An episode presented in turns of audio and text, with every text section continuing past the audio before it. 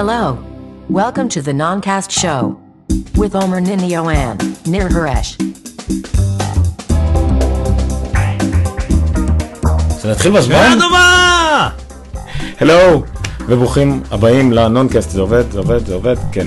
ברוכים הבאים לנונקאסט, תוכנית מספר 79, היום ה-31 ל-12, 2014. היה לי פה תיק. אה, וזו התוכנית האחרונה שלנו, שנת 2014. אה, נקווה שזה לא תהיה התוכנית הראשונה ל-2015, אחרת האנשים שלנו יהרגו אותנו. אנחנו אשכרה ב-31 ל-12. בואו נתחיל, לפני שיהיה מאוחר, יהיה צפצוף, ואחרי זה נסביר מה נעשה פה היום, ולמה אני נשמע ככה. רמז, יש לו משרה בבורדל.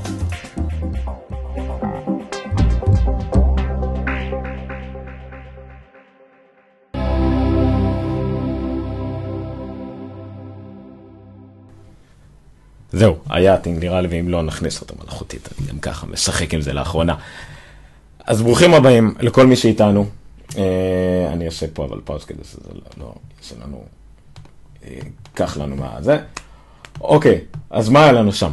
היום היה 31 ל-12, מה שאומר שזה סוף השנה האזרחית, הסילבסטר, איך שלא תקראו לזה. אה, אנחנו החלטנו לעשות מין תוכנית סיכום שנה מיוחדת, נקווה גם שתהיה קצרה, מתומצתת וכדומה. רצינו להיות מקוריים פשוט, אמרנו מה אף אחד לא עושה, שזה תוכנית סיכום שנה, אז אנחנו נעשה את זה דווקא. ניכנס לנישה שהיא כאילו לגמרי פנויה. נכון. אה, מה שמזכיר לי, החוט הזה נורא מעצבן אותי. כן. אה, נעשה ככה, נעשה ככה, ואז גם נקבל התראות אם שיעשה לנו ככה. אוקיי, אז מה יהיה לנו? יהיה לנו, אה, אנחנו נעבור פחות או יותר לפי... זה לא כל כך קשור, למה? כאילו לתחילת שנה. זה כן, חוגגים. למה זה קשור? כך. כל עוד עדיין אנשים לא הצטרפו לנו לשידור החי. אה, זה אבל יפה לא שזה יכול. הוא שקוף. נכון, חבל. זה- זה הקסם שאנחנו יודעים לעשות, להעלים אנשים. אה, זה אצלי זה לא עובד. כן, לא חשבת על הקטע הזה, זה ירוק. שים את זה, שים את זה על הזה. לדילדו? כן, ועכשיו ישמעו המון רעש בהקלטה, תודה. כן, אוקיי, אנחנו עכשיו ניפטר מזה בקרוב. טוב, תמשיך את לא. הפתיחה שלך, אני אסיים את הזה שלי ואז אנחנו נמשיך. אבל גשמתי את הפתיחה. סתם. אוקיי, אין לי באמת אה, מה זה. מה? מה? תפסיקו, אנשים מצפצפים פה. רגע, הנה, זהו, זה כבר לא מצפצף פה. וואטסאפ צופית. כן, כן, כבר יש לנו צופים ראשונים פה. רגע, אנחנו עדיין מתארגנים. צופים, צופית. צופים צופית. כובעים יותר מונימנט, מילה ארוכה מדי לשעה לשעה הזאת. זה כאילו הומאז', אה, לא הומאז', למונימנט ואלי, אבל לא אומרים הומאז', יש פה מילה אחרת שמתאימה, לא משנה. קולאז. זה קולאז' למונימנט ואלי.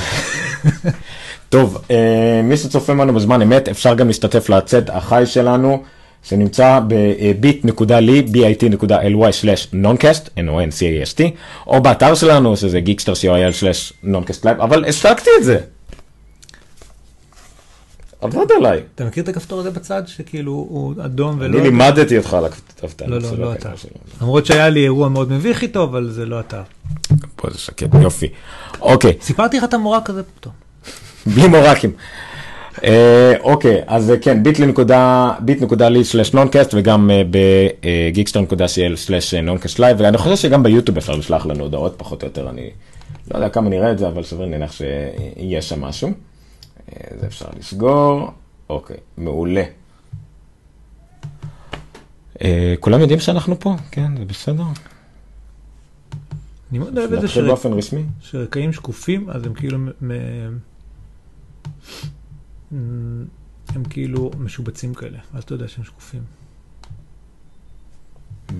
אוקיי, יופי. גם זה קצת שקוף, וזה עושה כאילו צרות פה בזה. זה חלק ממה שהתכוונו שיקרה. כן, ככה? כן. חד קרן. יאללה, תתחיל, אז מה מה יהיה לנו הערב? ואני לא שותה אלכוהול, כן? אה, אבל בסדר, הוא כן. שנה טובה. אבל הוא לא נוהג אה, אחר גם כך. זה שקוף. שזה בכלל מגניב, תראה. זה לא שקוף עליי, ואז זה כן שקוף. זה שובר את קרני האור. אוקיי, אז מה, מה יש לנו להיום? אנחנו אה, נעשה כמה דברים. א' כל אה, נסקור ככה בקטנה את הטרנדים הטכנולוגיים שהיה לנו השנה, ואז נעבור פחות או יותר לפי חברות, מה הם עשו השנה, לא סוג של גיליון ציו- ציונים, לא נהיה יומרניים, אבל אנחנו כן יומרניים, אבל אה, נראה מה יהיה תוך כדי ונזרום. אה, אני נשמע ככה בגלל שאני קצת חולה, אה, מקורר או איך שלא תקראו לזה, בגלל זה יש לי מים קרים שבטח יעזרו לי, וגם מדי פעם אני עלול יהיה לפצוח בצרחות כאב, כי יש לי כאב שיניים נוראי. אבל זה קצת too much information. למה יש לך כאב שיניים נוראי? 34 שנים של אכילת ממתקים ואני רק בן 33. כשנגיע ללוליפופ זה יהיה הרגע שלך. כן, אתה מגלה להם את הסוף, אנשים עוד ידעו מה היה השנה. הם לא חשבו שנדבר על לוליפופ.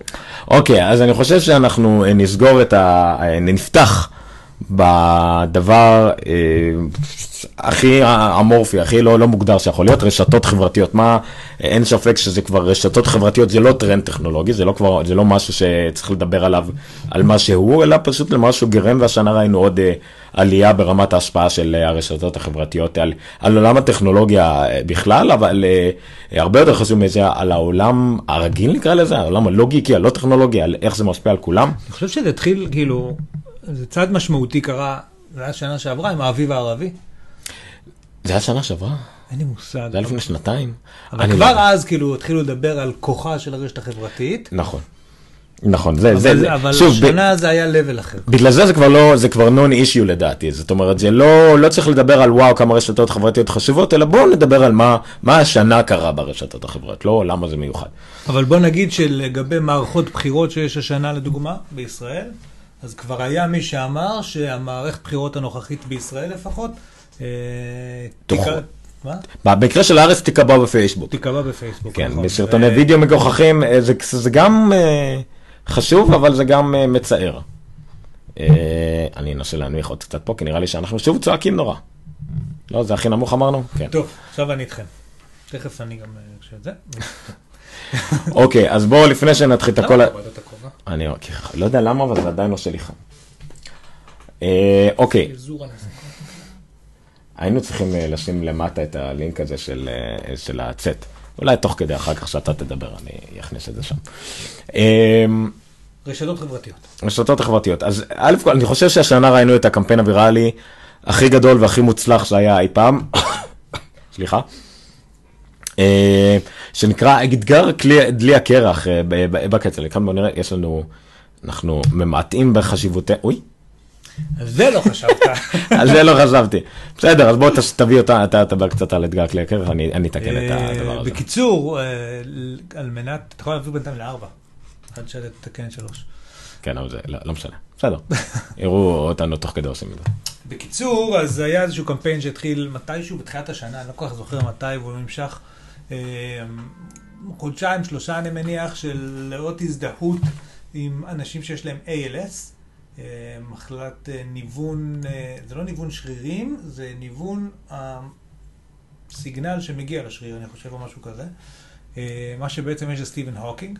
אה, אז לאות הזדהות והעלאת המודעות עם המחלה הזו, אז בעצם אה, האתגר, אה, מישהו התחיל איזשהו קמפיין, איזשהו אתגר שבו אה, הוא שפך על עצמו דלי עם קרח, כשהרעיון אומר שבשלב שהדלי עם קרח נופל על הבן אדם, אז הוא קופא, וזה בעצם החיים של אותם אנשים עם ALS, אנשים שלא יכולים לזוז כל כך.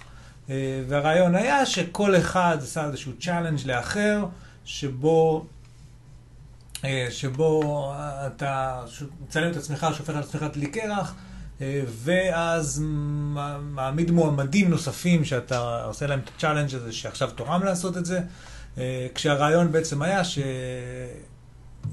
איזושהי, איזושהי קרן או מקום לתרום במקביל כסף על מנת לעזור במחקר וב... אה, שוב פעם, העלאת המודעות למחלה.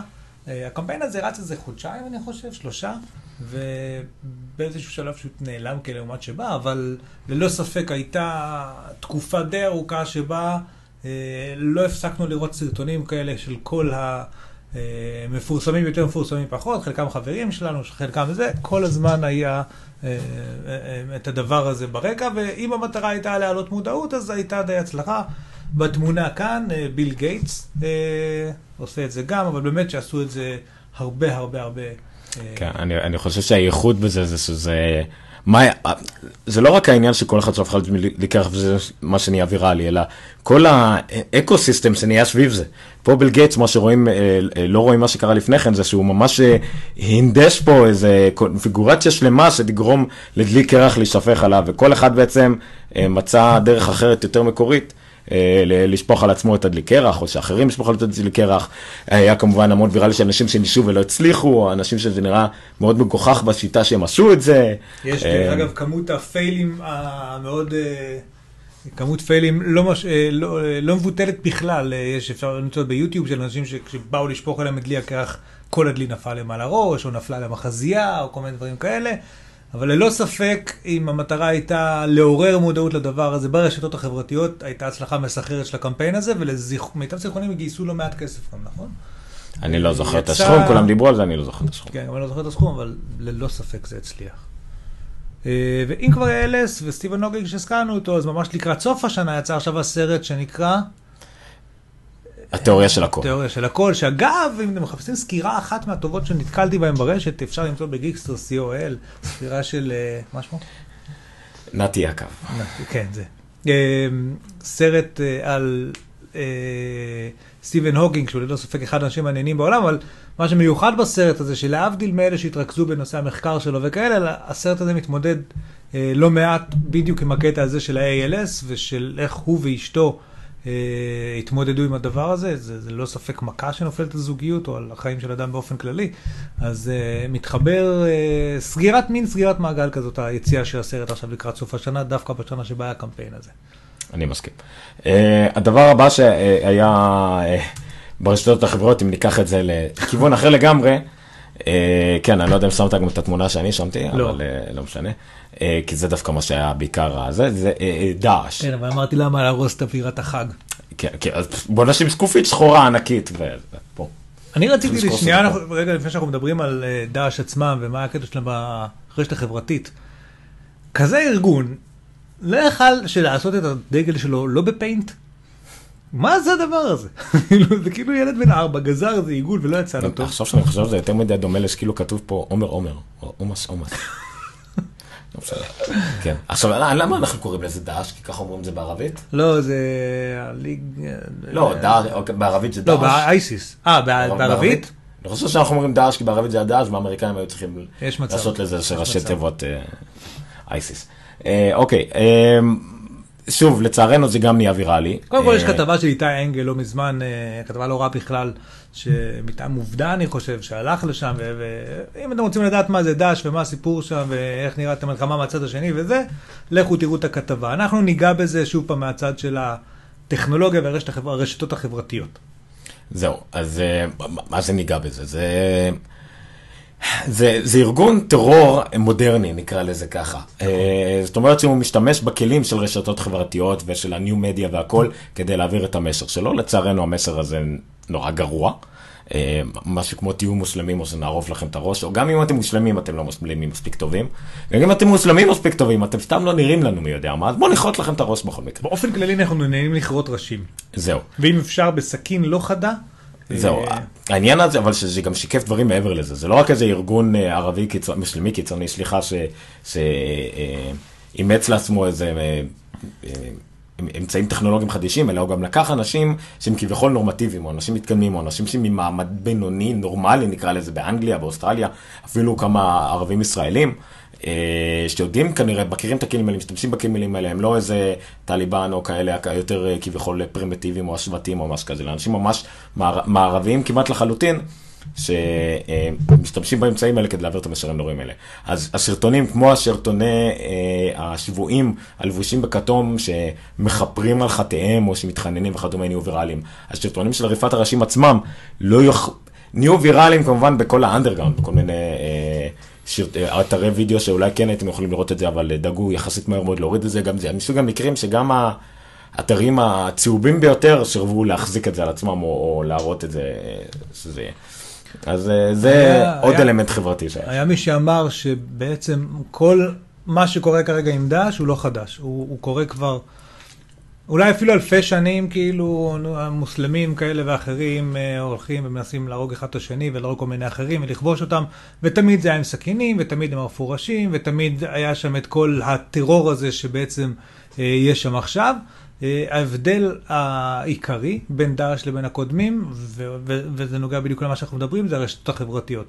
זה שהם לקחו וצילמו את הסרטים האלה והעלו אותם ליוטיוב ופרסמו פשוט יצרו את המודעות הזאת דרך המקום, היה להם קשה להגיע לפריים טיים בעבר. אוקיי? כאילו בעבר הייתה טלוויזיה, ואם האורחים החליטו להכניס את זה לטלוויזיה, לפלייליסט, אז הם היו בפנים, אבל הרבה פעמים החליטו שלא.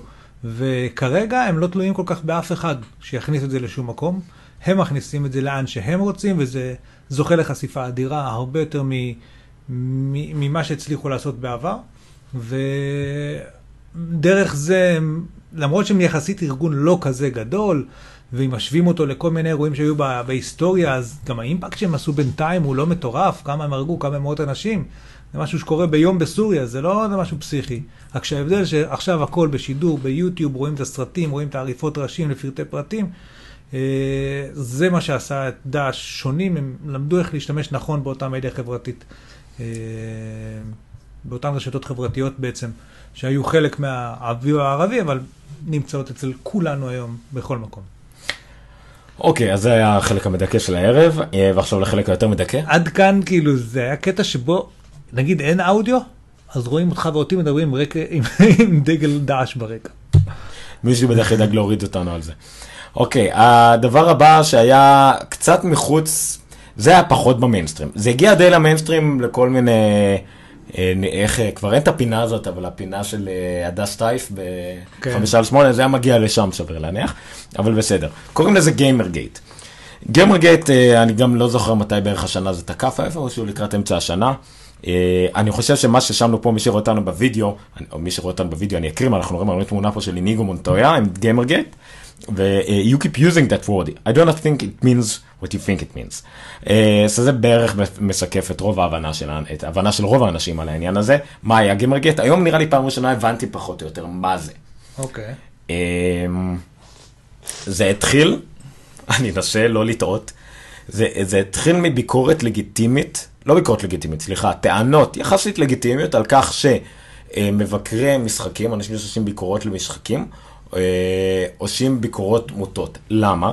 בגלל שלפחות צמד מבקרות, סליחה, מבקרת משחקים אחת ואחרי זה עוד כמה, החליטה אה, ללכת נגד משחקים אה, שמציגים מיזגוניה ושוביניזם. או סתם ייצוג נשים מאוד גרוע, או העלבת נשים, או איך קוראים לזה? בוא נגיד ייצוג נשי גרוע. GTA 5 היה... שמדבר על בוא נלך ברחוב, נגנוב מכוניות ונרביץ לזונות, כן. בדיוק. אז זה הביקורת כזאת. עכשיו, זה הביא עליהם ביקורת על כך שהביקורות שלהם משוחדות. ממש ככה, זה כאילו, ניסו לטעון שזה על אה, אתיקה בעיתונאות אה, וביקורת משחקים. הבעיה שמשם זה גלש מהר מאוד לשנאת נשים, שנאת המבקרות, אה, גם יוצרות משחקים, אגב, סליחה, יש, אני זוכר את השם בריאנה וו, והיה זוהי שטרן נראה לי, זה שתי הדמויות הנשיות המפורשמות, אם תלכו תחפשו את הטוויטר שלהם כמה חודשים אחורה, תראו פשוט את האינטרנט שוצף וקוצף על זה.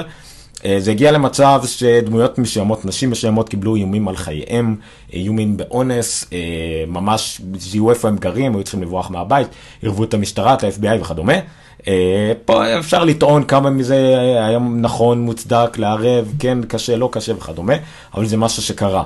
והשטג גמרגייט, הדבר שבאמת שטף את uh, טוויטר, הביא גם להרבה דיונים על טוויטר עצמם, אם לטוויטר uh, הם צריכים יותר לפעול לגבי חשימת משתמשים שמשתמשים בטוויטר לרעה, וגם אם חוסמים אותם, הם מיד חוזרים ומייצרים משתמשים חדשים או פיקטיביים, ושוב פעם תוקפים אנשים, אז זה פשוט דיון שגלש לי על, על uh, אתיקה בעיתונאות, על שוביניזם במשחקי מחשב, והמקום של נשים במשחקי מחשב, אם זה גיימריות או יוצרות משחקים, עד המקום של טוויטר.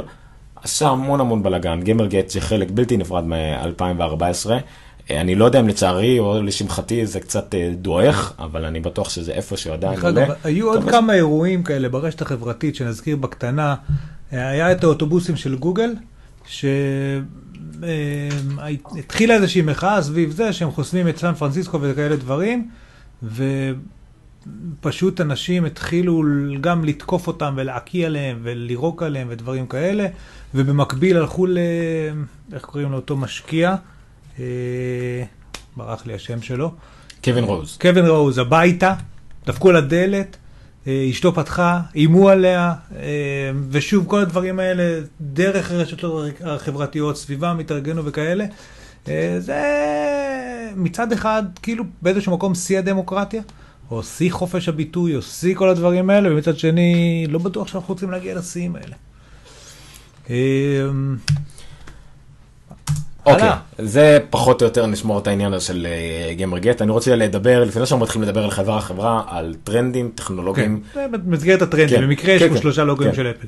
אה, טרנדים טכנולוגיים שקרו השנה. אה, אפשר להגיד שזה זה לא השיפורים הטכנולוגיים הכי חשובים של השנה, אבל זה בהחלט מין טרנדים שליוו אותנו, אה, וחצו חברות, אני רק וחצו אגיד לך דברים. רגע, שכשהצבתי את התמונות, לא לקחתי בחשבון את הבאנר למטה.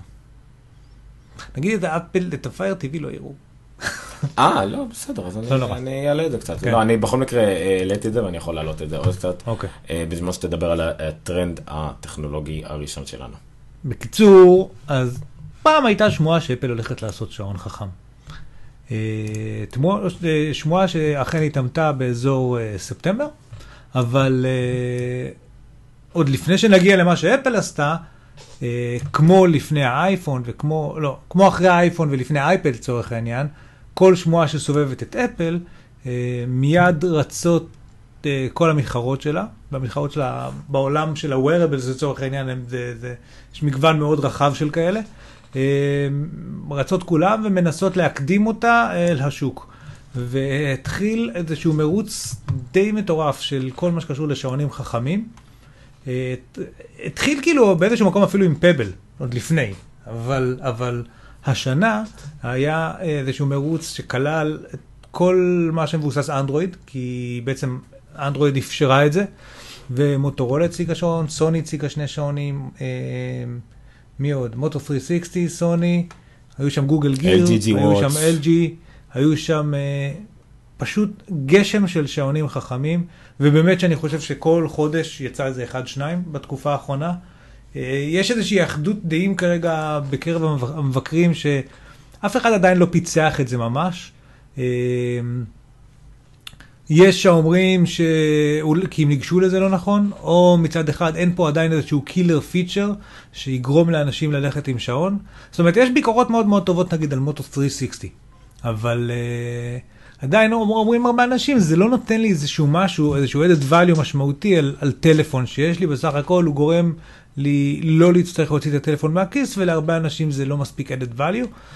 אה, יש שאומרים שאפל, אה, שהגישה שלה הייתה טיפה שונה והיא נכנסה לזה הרבה מכיוון ה fashion, אולי כן פיצחה את הנוסחה, אבל אי אפשר לדעת כי בעצם הם לא השיקו את השעון שלהם.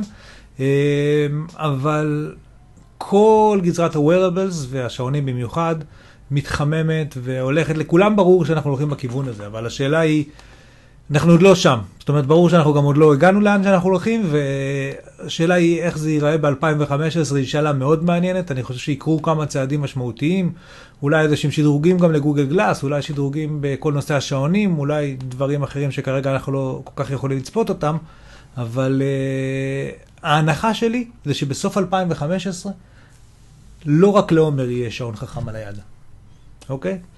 לי יש שעון טיפש כרגע על היד, אמ, אבל אה, אני חושב ש, שזה יהיה משהו שאנחנו נראה הרבה יותר במהלך השנה הקרובה. אני חושב שבשנה הזאת הונחו הרבה תשתיות שיבשילו לכדי מוצרים אה, טובים ללקוח במהלך השנה, ובעיק- ובעיקר אחרי שאפל גם תוציא את השעון שלה. זהו. אמ, אני משער שגם נראה את הקיצוניות השנייה של שעונים כמה שיותר אה, אה, טיפשים, אבל קצת חכמים, וגם רואים, אה, אנחנו עוד מעט נראה גם כזה של, אה, שכחתי איזה חברה, שעון אסתטי, אבל עם כמה, מה שנקרא, שעונים שיותר, פחות חכמים, אלא יותר מתאימים ל, לאינטרנט של דברים, או, או למעקבים שהם רק יודעים לקחת מדדים ונותנים לאחרים להסתבך עם זה.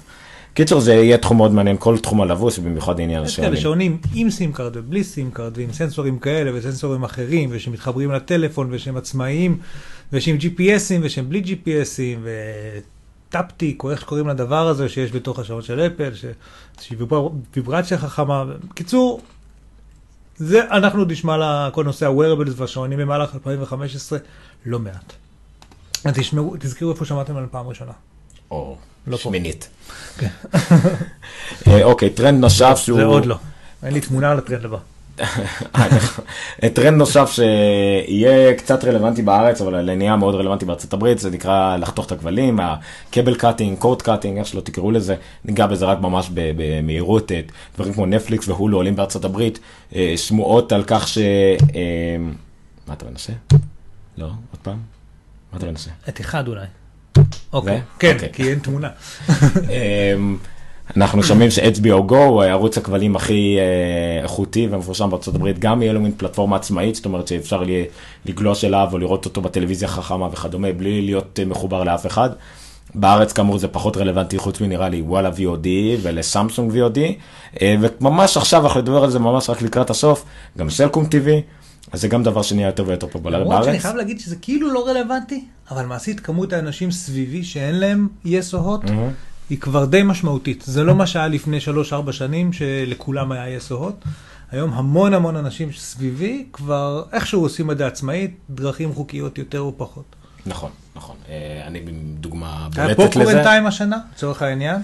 נכון, קצת לא חוקי, אבל כן. לא, אבל אה, זה היה משהו מאוד משמעותי. נכון, נכון. אז באופן כללי לחתוך את הכבלים XBMC, אם אני נכנסתי לאחרונה לקבוצות של XBMC בפייסבוק, המון אנשים שמחפשים עידן פלוס, פלוס עוד כמה דברים שאפשר להשיג בצורה לא חוקית ב-XBMC וכדומה, פותר לאנשים הרבה את הצורך בהוט ו-yes. פלקס היה משהו חם מאוד אה, בעקבות עומר. כן. לא בעקבות עומר, אבל באופן כללי היה... אז מסוג הדברים שהייתי בטוח שאני ואולי עוד כמה אנשים, אבל בקבוצה בפייסבוק יש כבר 100 אנשים, וזה כן די תופס תאוצה, הרבה פחות מ-XBMC, כי זה אפילו קצת יותר חוקי מ-XBMC, אבל עדיין זה, זה משהו שיקרה. ולעומת זאת, סגרו את פיירט ביישוב פעם. טוב, לשניים שלושה דברים הבאים אני אצטרך, אתה יודע מה, אתה יכול אפילו לדלג לזה ולדבר על זה, ואני אצטרך לקחת הפסקה קטנה. אני אדבר על זה. אז סוני. האמת שזה לא רק סוני, אני אעשה פה עוד משהו רגע כהכנה לעצמי. אה, עם סוף השנה הייתה תקופה די ארוכה שדיברנו על כל ה hacking שקורה עם סוני, וזה מאוד מאוד בכותרות, כי סוני נפרצה בצורה, סוני Pictures בעיקר נפרצה בצורה אה, די משמעותית. אז אה, לאורך כל השנה בעצם, אנחנו כבר מתחילים, קצת שוכחים את זה, אבל לאורך כל השנה היו די הרבה אירועים של security אה, ושל פריצות כאלה ואחרים, אה, שכדאי שנזכיר אותם, אבל אי אפשר להזכיר אותם, כי המחשב המעפן שלו אומר לא פותח את הלינק. רגע. או, הנה. מה? אז ככה, אני, אני אמנה כמה מהם מתוך איזושהי רשימה שיש פה ב-Mashable. Uh, התחלנו את השנה עם הארטבליד, uh, לא יודע אם אתם זוכרים איזושהי פרצה שאמרו שהיא אסון קולוסלי שבעקבותיה אה, נדמה לי נתוני מסיסמאות וכרטיסי אשראי וכל מיני דברים כאלה הדלפו עקב אה, איזושהי פרצה בדפדפן כזה או אחר, או, או במנגנון שעליו מבוססים הדפדפנים. אה, קיימרט נפרצו, ג'יי פי מורגן נפרצו, טארגט, אני לא בטוח שזה היה השנה, Target היה שנה או בסוף שנה שעברה, 70 מיליון כרטיסי אשראי. Snapchat נפרצו, גם כן בצורה כזאת או אחרת.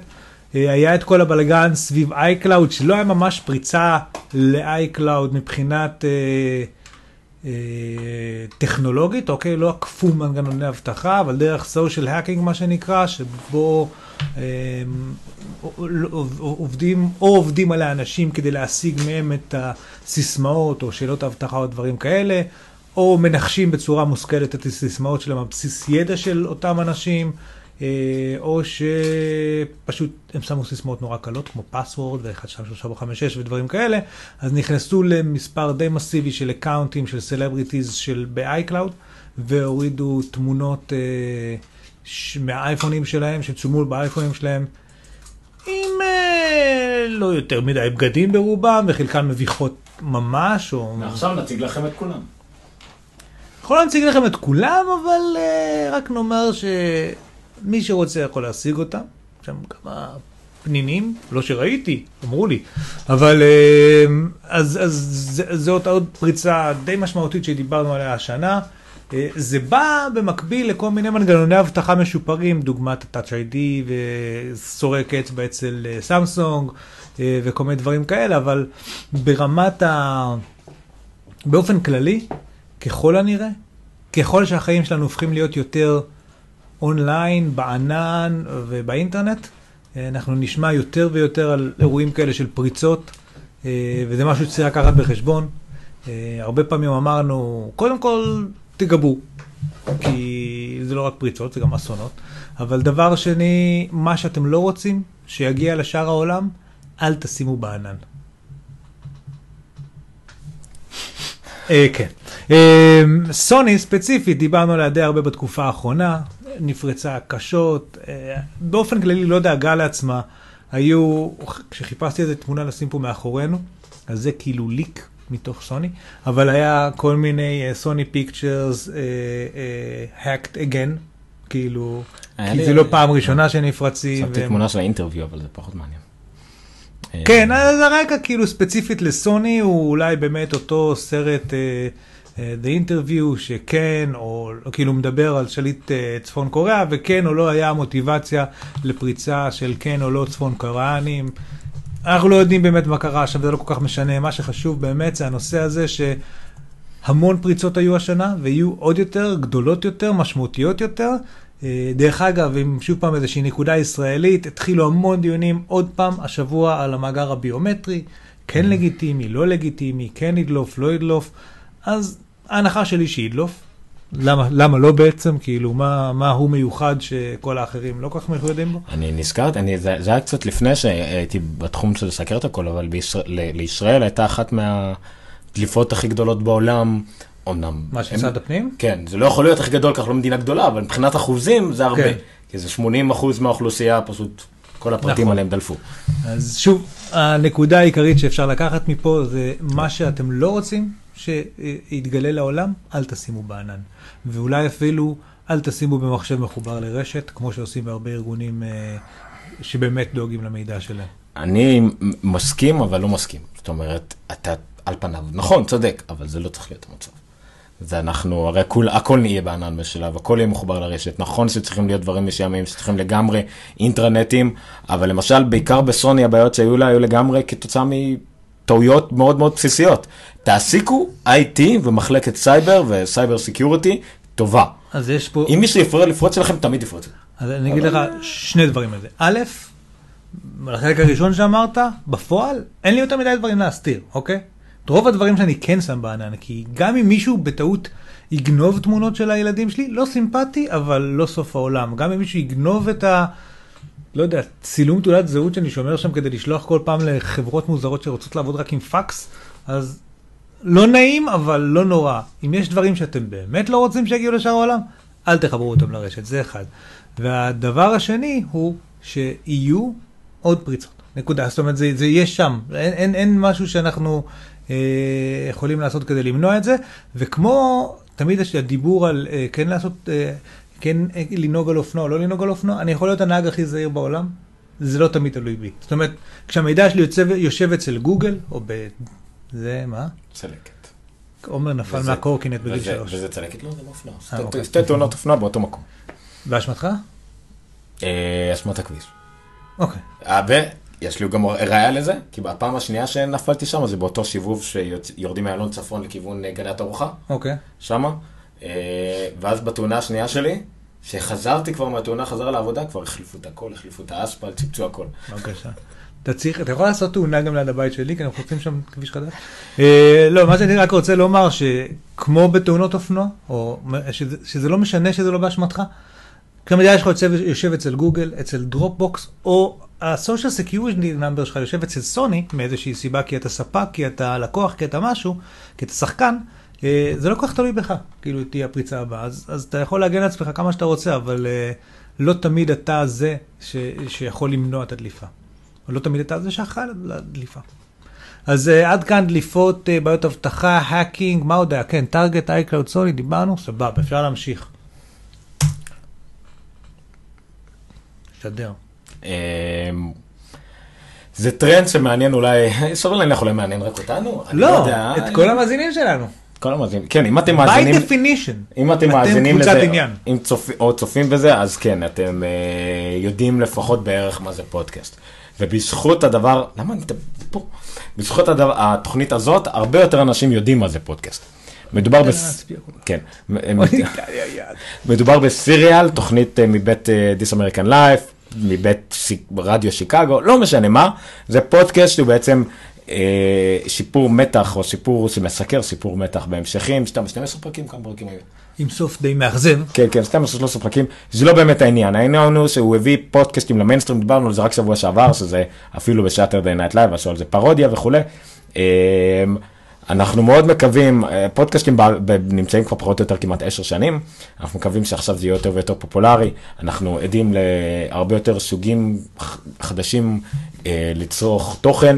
אה, אם זה עוד מעט יהיה באמצעות טלוויזיה אינטרנטית ועידן פלוס ורדיו עצמאי וערוצי יוטיוב שכולם מנויים אליהם, אז גם פודקאסטים זה בדיוק אותו דבר, אתם לא חייבים לחכות שהתוכנית שלכם תהיה ברדיו, לא, חי- מחייב- לא חייבים לשמוע את כל הפרסומות הלא קשורות או שלא מעניינות אתכם, אלא רק לראות. אה, לראות או לשמוע תוכניות שמעניינות אתכם, רק את מה שאתם מעניין אתכם, תכנים שלא הייתם נחשפים אליהם בחיים ברדיו, כמו אה, או שעם היסטוריה או כמו הנונקאסט, אין כזאת תוכנית ברדיו, הייתה תוכנית אחת, הייתה בפורמט אחר לגמרי, ב-11 או 12 בלילה נראה לי, ברדיו אזורי. אז זה כן מאפשר לכם uh, לשמוע מה שאתם רוצים, מתי שאתם רוצים, איך שאתם רוצים, לצפות, לשמות, לצפות, לראות, ואנחנו מקווים שהפודקאסטים uh, רק יתפסו יותר ויותר מקום גם בשנה הקרובה. זה הגיע אפילו למצב כל כך קיצוני, שבמדור מחשבים של ידיעות אחרונות הייתה כתבה על פודקאסטים. ודיברו על הנונקאסט. דיברו, הזכירו אותנו בעדינות, אבל עדיין אה, אין יותר מיינסטרים מידיעות אחרונות הרי. אה, כן, כן. למרות שזה היה בעיתון כאילו, אבל בסדר. מה אתה רואה עכשיו סרט על לא? זה לא קשור, זה- יכול לחזור סתם, למסמך? אה, כן. אה, בקיצור, פודקאסטים אה, are back. זה מה שאנחנו יכולים להגיד עליהם. באמת הייתה סטגנציה די ארוכה של כמה שנים, שבה חוץ מזה שהנונקאסט נכנס למודעות של העולם, אה, לא קרה הרבה בשנים הקודמות, ופודקאסטים are back, ובעיקר הרבה תודות לסיריאל באמת. בדיוק. אמ, עוד טרנד שהיה השנה, יפה, ראית? שמאוד- משמח אותנו, אני קראתי לזה ענן לכל פועל. ולכן אה, לא מצאתי תמונה מוצלחת יותר. מה שזה אומר בעיקר, שבעקבות, למרות ששמענו הרבה דברים, ושכל הענן של הסלבריטיז נפרץ וכדומה, עדיין אנשים, יותר ויותר אנשים, גם אנשים מן השורה מבינים שאחסון בענן זה מה שצריך לקרות וזה מה שקורה עכשיו, יופי. זה לא מועיל לאף אחד. אבל זה נורא יפה. אה, כן, זה נורא יפה. גם אתה יודע מה יותר יפה? מה זה? זה בעצם רקע שקוף עם עננים לבנים, ובגלל שזה שחור מאחורה, אז זה נראה ככה. תודה שזה יפה. אה, בקיצור, אה, אנחנו ראינו שהשנה כל שירותי הענן תפסו יותר תאוצה, בעיקר כתוצאה מהורדת מחירים אה, דרסטית. אני מנסה לזכור, אם אני לא טועה, Google Drive היו הראשונים שעשו בעצם אה, אחסון. עוד מההתחלה בעצם, בגלל שהיה לך איזה 10 ג'יגה ב- בג'ימל, אז אם עשית Google Drive, אז זה בעצם יכולת להשתמש באחסון הזה גם למידה. Dropbox הכי מפורסמים והכי נפוצים נתנו רק 5 ג'יגה וכל דבר מעבר לזה היה בהרבה כסף. Copy נכנסו, הרבה נכנסו. Box, אה, Box תמיד היו, אבל אה, גם הם... אה, הגדילו נדמה לי את הזה. אה, אבל אני חושב שאחד הדברים המשמעותיים שקרו זה שגוגל נכנסו, ומייקרוסופט גם כן אה, בהתחלה... מייקרוסופט נתנו את הטרהבייט היום. אה, נכון, הגיעו לטרהבייט בסוף, עכשיו בעצם זה אחסון בלי הגבלה נכון. חינם לכל מי שיש לו מנוי של 365. אפל אה, איפשהו גם כן אה, נכנסה וכתוצאה מכל מיני שינויים בענן שיש להם מקלאודסים כבר הכל גם הורידו דרסטית את המחירים שלהם. אה, Flickr נותנים טרה. ודווקא אחרי אפל, רק אז Dropbox נכנסו, וגם Dropbox נהיו בעצם ייסור קו, והיום גם Dropbox הוא הכי פופולרי, הכי נפוץ, ב-5 דולר לחודש או 10 דולר לחודש, יכול לתת לכם בעצם כל הנפח שאתם צריכים, באמת, הכל. Unlimited? מה הוא נותן? לא, הם נותנים, אני חושב, ב-10 דולר לחודש, נותנים טרה. וואלה. גם איזה משהו מוגזם כאילו, וזה בסדר, או 500 ג'יגה. לא משנה, משהו שיספיק, כי 5 ג'יגה או 10 אז ג'יגה. למה יש לי קראשפלן? תסגיר לי. לא, קרס- כי אין לי לא, קרפלן כן. ובגל זה זה גיבוי מסוג אחר, נכון. זה גם כן דבר שתופס תאוצה, אבל אה, אנחנו גם בארץ טיפה קצת מפגרים, אבל אה, ככל שיעלו מהירות העלאה, אה, בעקבות הלימיטד וכאלה, שגם נדבר על זה, נקווה שזה גם יתפוס יותר תאוצה בארץ, באמת להסתובב עם דיסק און קי וזה וכאלה, שורה תחתונה, ג'יגה בייט cloud לדולר ירד מאוד. בדיוק. או פו, כן, עלה מאוד. הרבה כמות הג'יגה, כן, כן. זה בסדר. כמות הג'יגה בייטים שאפשר להכניס בדולר. מה כן. שמביא אותי למסקנה, הייתה כתבה נפלאה השבוע, אני סוטה קצת מהנושא. על, אנחנו? אה, על זה? שאיזה שהם מדענים, מתמטיקאים, מצאו איזשהו, איזושהי שיטה תמיד היה מאוד קשה להבדיל בין מה שנקרא uh, causality, uh, uh, uh, סיבתי. נגיד יש שני פרמטרים שהם uh, רואים שהטרנד שלהם הוא דומה. אז תמיד לא ברור אם זה uh, סיבה ותוצאה, או שמקרי לחלוטין. לצורך העניין יש אתר שלם באינטרנט שמראה uh, uh, סטטיסטיקות מקריות לחלוטין, שבו לדוגמה הוא מראה שאחוז הגירושים במיין הוא מקביל לחלוטין לאורך שנים למחיר המרגרינה. אה, סתם במקרה ככה זה יוצא, אין פה סיבה ותוצאה, אבל להבדיל יש דברים אחרים שהם כן סיבה ותוצאה. מה המשפט, המשפט המפורסם תמיד, שכל ספק, אה, אה, אה, ספקן יגיד לך? שכחתי מה רציתי להגיד. קורולציה זה לא קוזציה.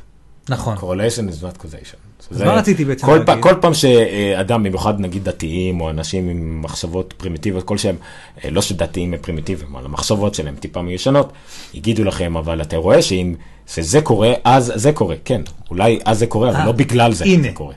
אז מה המסקנה שלי בעצם? ש... שהענן עובד על דלק. כי ירד עכשיו מחיר הנפט בהרבה. לא.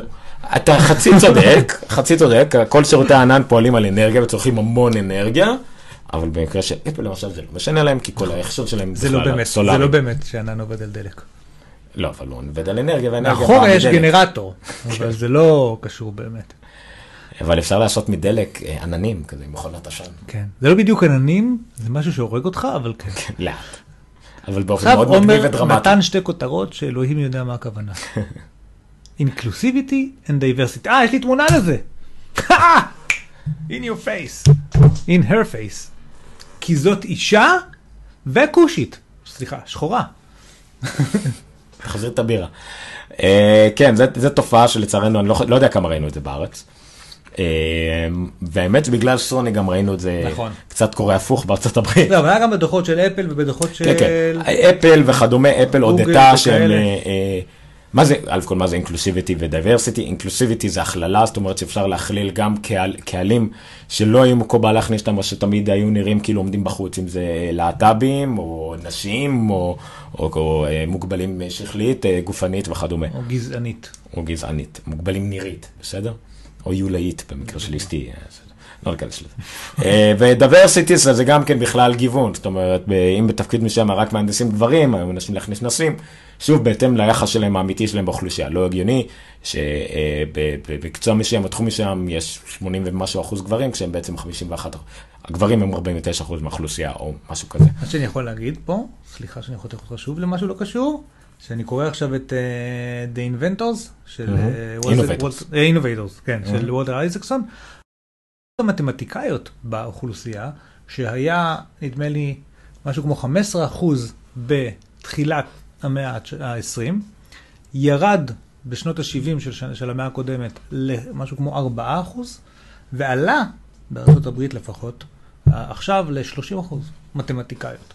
שזה מרשים. לא הייתי מנחש לא, לא, שבפקולטה למתמטיקה ב-MIT יושבות 30 אחוז. לא, יש גל שלם עכשיו שדוחף בעיקר אה, נשים ובנות לתחומים. שלא נדבר על זה שהודים, סינים וזה, כן. מניעים את כל תעשיית ההייטק. לא, דוחפים גם הרבה אנשים עכשיו לתחומי המתמטיקה, זה כאילו לתחומים ההומניים של המקצועות הריאליים, אם זה הגיוני בכלל. הפילוסופים. אפשר, המתמטיקה והתכנות תיאורטיים. והפיתוח והדברים האלה, כן. למשל, הרבה יותר מתכנתות מאשר מהנדסות. לא שזה משפיע, אבל זה פשוט לשם התעשייה לקחה אותם. אמ, ו- וזהו. ולכן הרבה מהנדסים רווקים, כי פשוט אין להם את מי להכיר.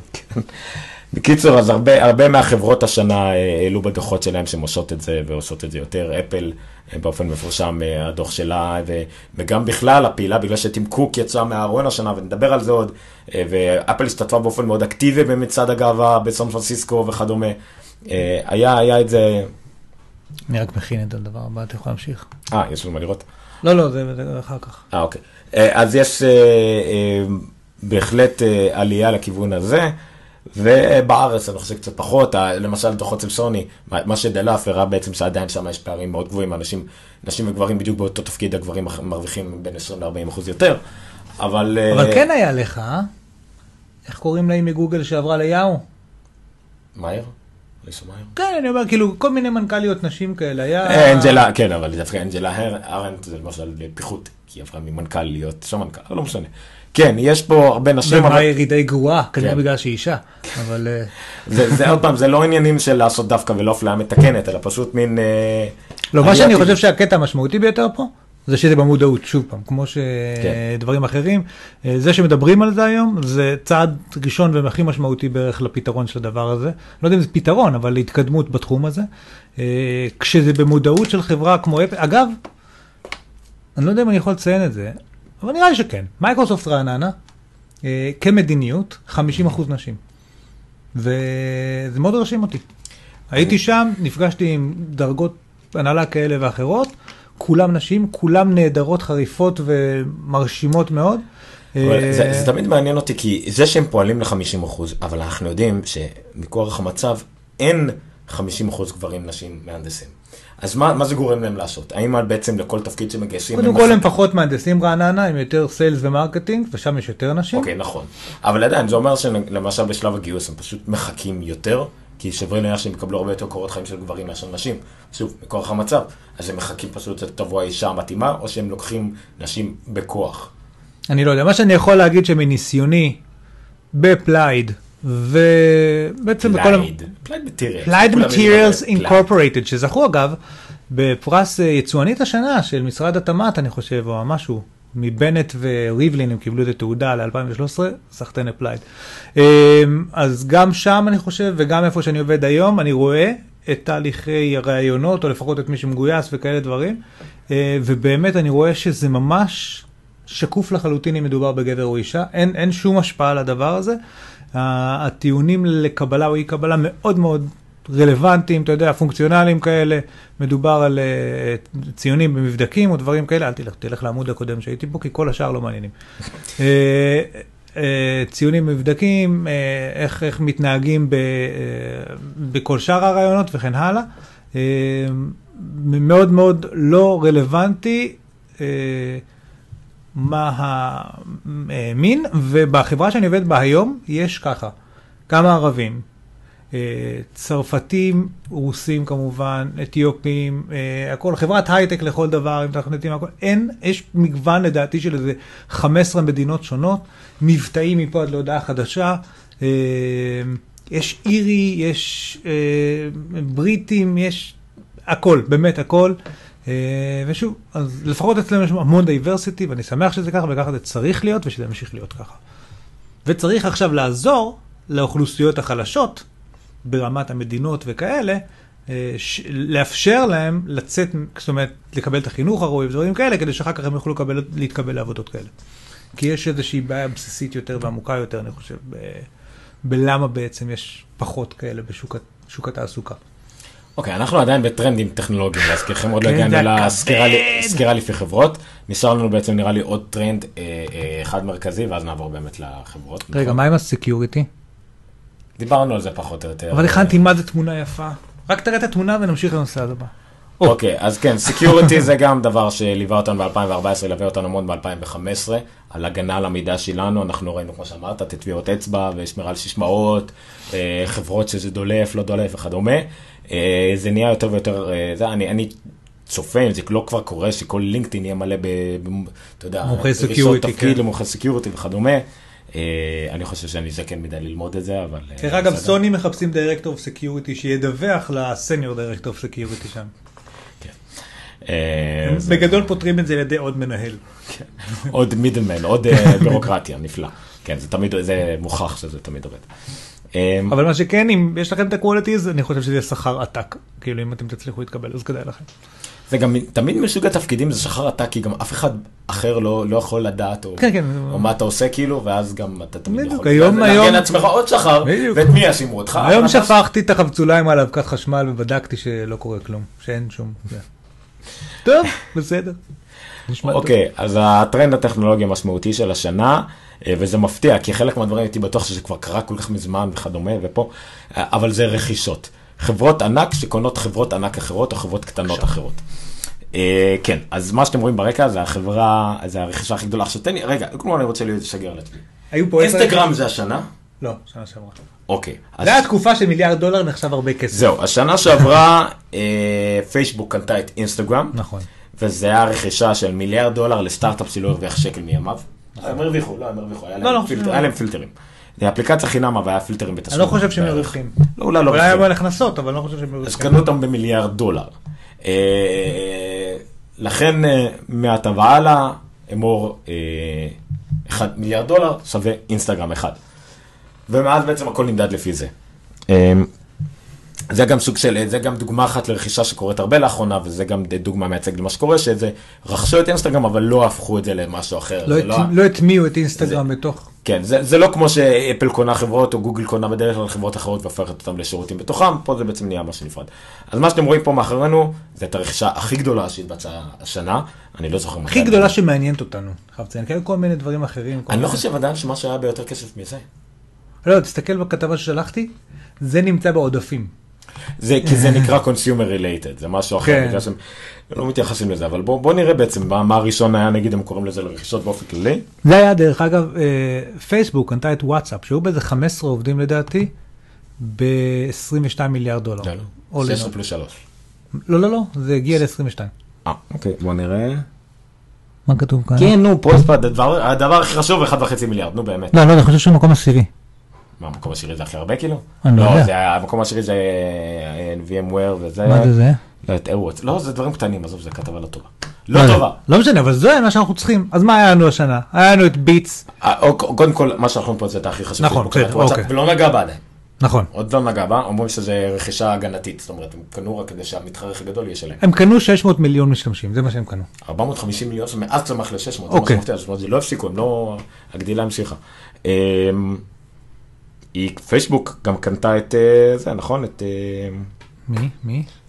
M, אוקולוס ריפט? אוקולוס ריפט, זה גם פייסבוק. נכון, הנה כתוב כאן. וזה כבר בניגוד אבל זה רק לרכישה- 2 מיליארד, זה כסף כן, קטן. זה- אבל זה בניגוד לרכישה הגנתית, זה רכישה... התקפתית. עתידית, זאת אומרת, השקעה בעתיד, במקרה זה- ב-VR היא עתיד, אז הם רוצים להיות שם כי הם פספסו את העניין של אז מובייל. תכף נדבר על גוגל, אבל אני לא זוכר, נדמה לי שהשנה היה בין השאר רכישה התקפתית, הם קנו חברה אחת של אה, בינה מלאכותית, ועוד חברה אחת שמייצרת רובוטים של מלחמה, נכון. גוגל.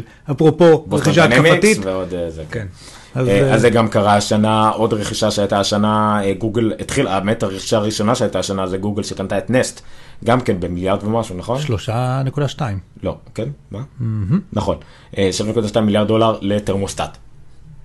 תרמוסט חכם אבל, הוא לא תרמוסט רגיל.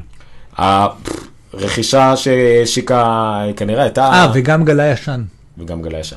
הרכישה שהייתה הכי אה, מין אה, אה, טלנובלה הייתה שאפל קנתה את ביטס. אה, טלנובלה במובן שדיברו על זה כל כך הרבה עד שזה קרה בפועל, אבל בסוף אפל קנתה את ביטס גם כן בשלוש נקודה... לא, שלוש מיליארד דולר. שגם כאן, דרך אגב, זה, מה שמעניין ברכישה הזאת, שאפל אף פעם לא עשתה רכישה כזאת. היא קנתה הרבה חברות בעברה, רובן קטנות יחסית במעט כסף, הרבה פחות מזה בדרך כלל, וסגרה אותם ברגע הרכישה. אה, בדרך לא. כלל שלוש-ארבע שנים אחר כך, שמענו על המוצר שלהם כשהוא מוטמע כבר בתוך מוצרים של אפל. נכון, יוצאים מן הכלל שלושה. אה, שהיו הכי גדולים עד שהגיעה הרכישה הזאת. סירי? לא. נקסט, שאפל קנתה את סטיב ג'ובס. ב-400... בסדר, אבל מה, היא קנתה את אה, OS X. נכון, קנתה את זה מה שאני קנתה אומר. את נקסט, קנתה את אה, נקסט סטיב לא- ג'ובס. לא נשארה, ואחר כך, ש- שנתיים אוקיי, שלוש אחר זה כך, זה יצא זה- כמוצר של אפל. נכון. הדבר הבא שהם קנו זה PA Semiconductors, שזה, אוקיי, בסדר, השם כבר לא קיים, אבל החברה הזאת עושה בדיוק את מה שעשתה עד היום, היא נכון. עושה אה, מעבדים ומעצבת את הסדרת A, אה, והרכישה הכי גדולה שהייתה כנראה עד אה, זה, זה אנוביט.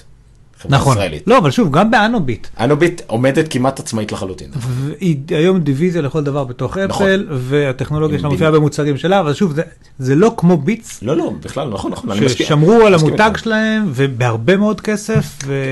כי, כי זה אחד המקרים היחידים שבהם קנו חברה ומותג שהם פונים לקהל. בדיוק, לא עד משהו היום הם קנו טכנולוגיות, ופה הם קנו את זה, ושזה היה מאוד חריג לאפל.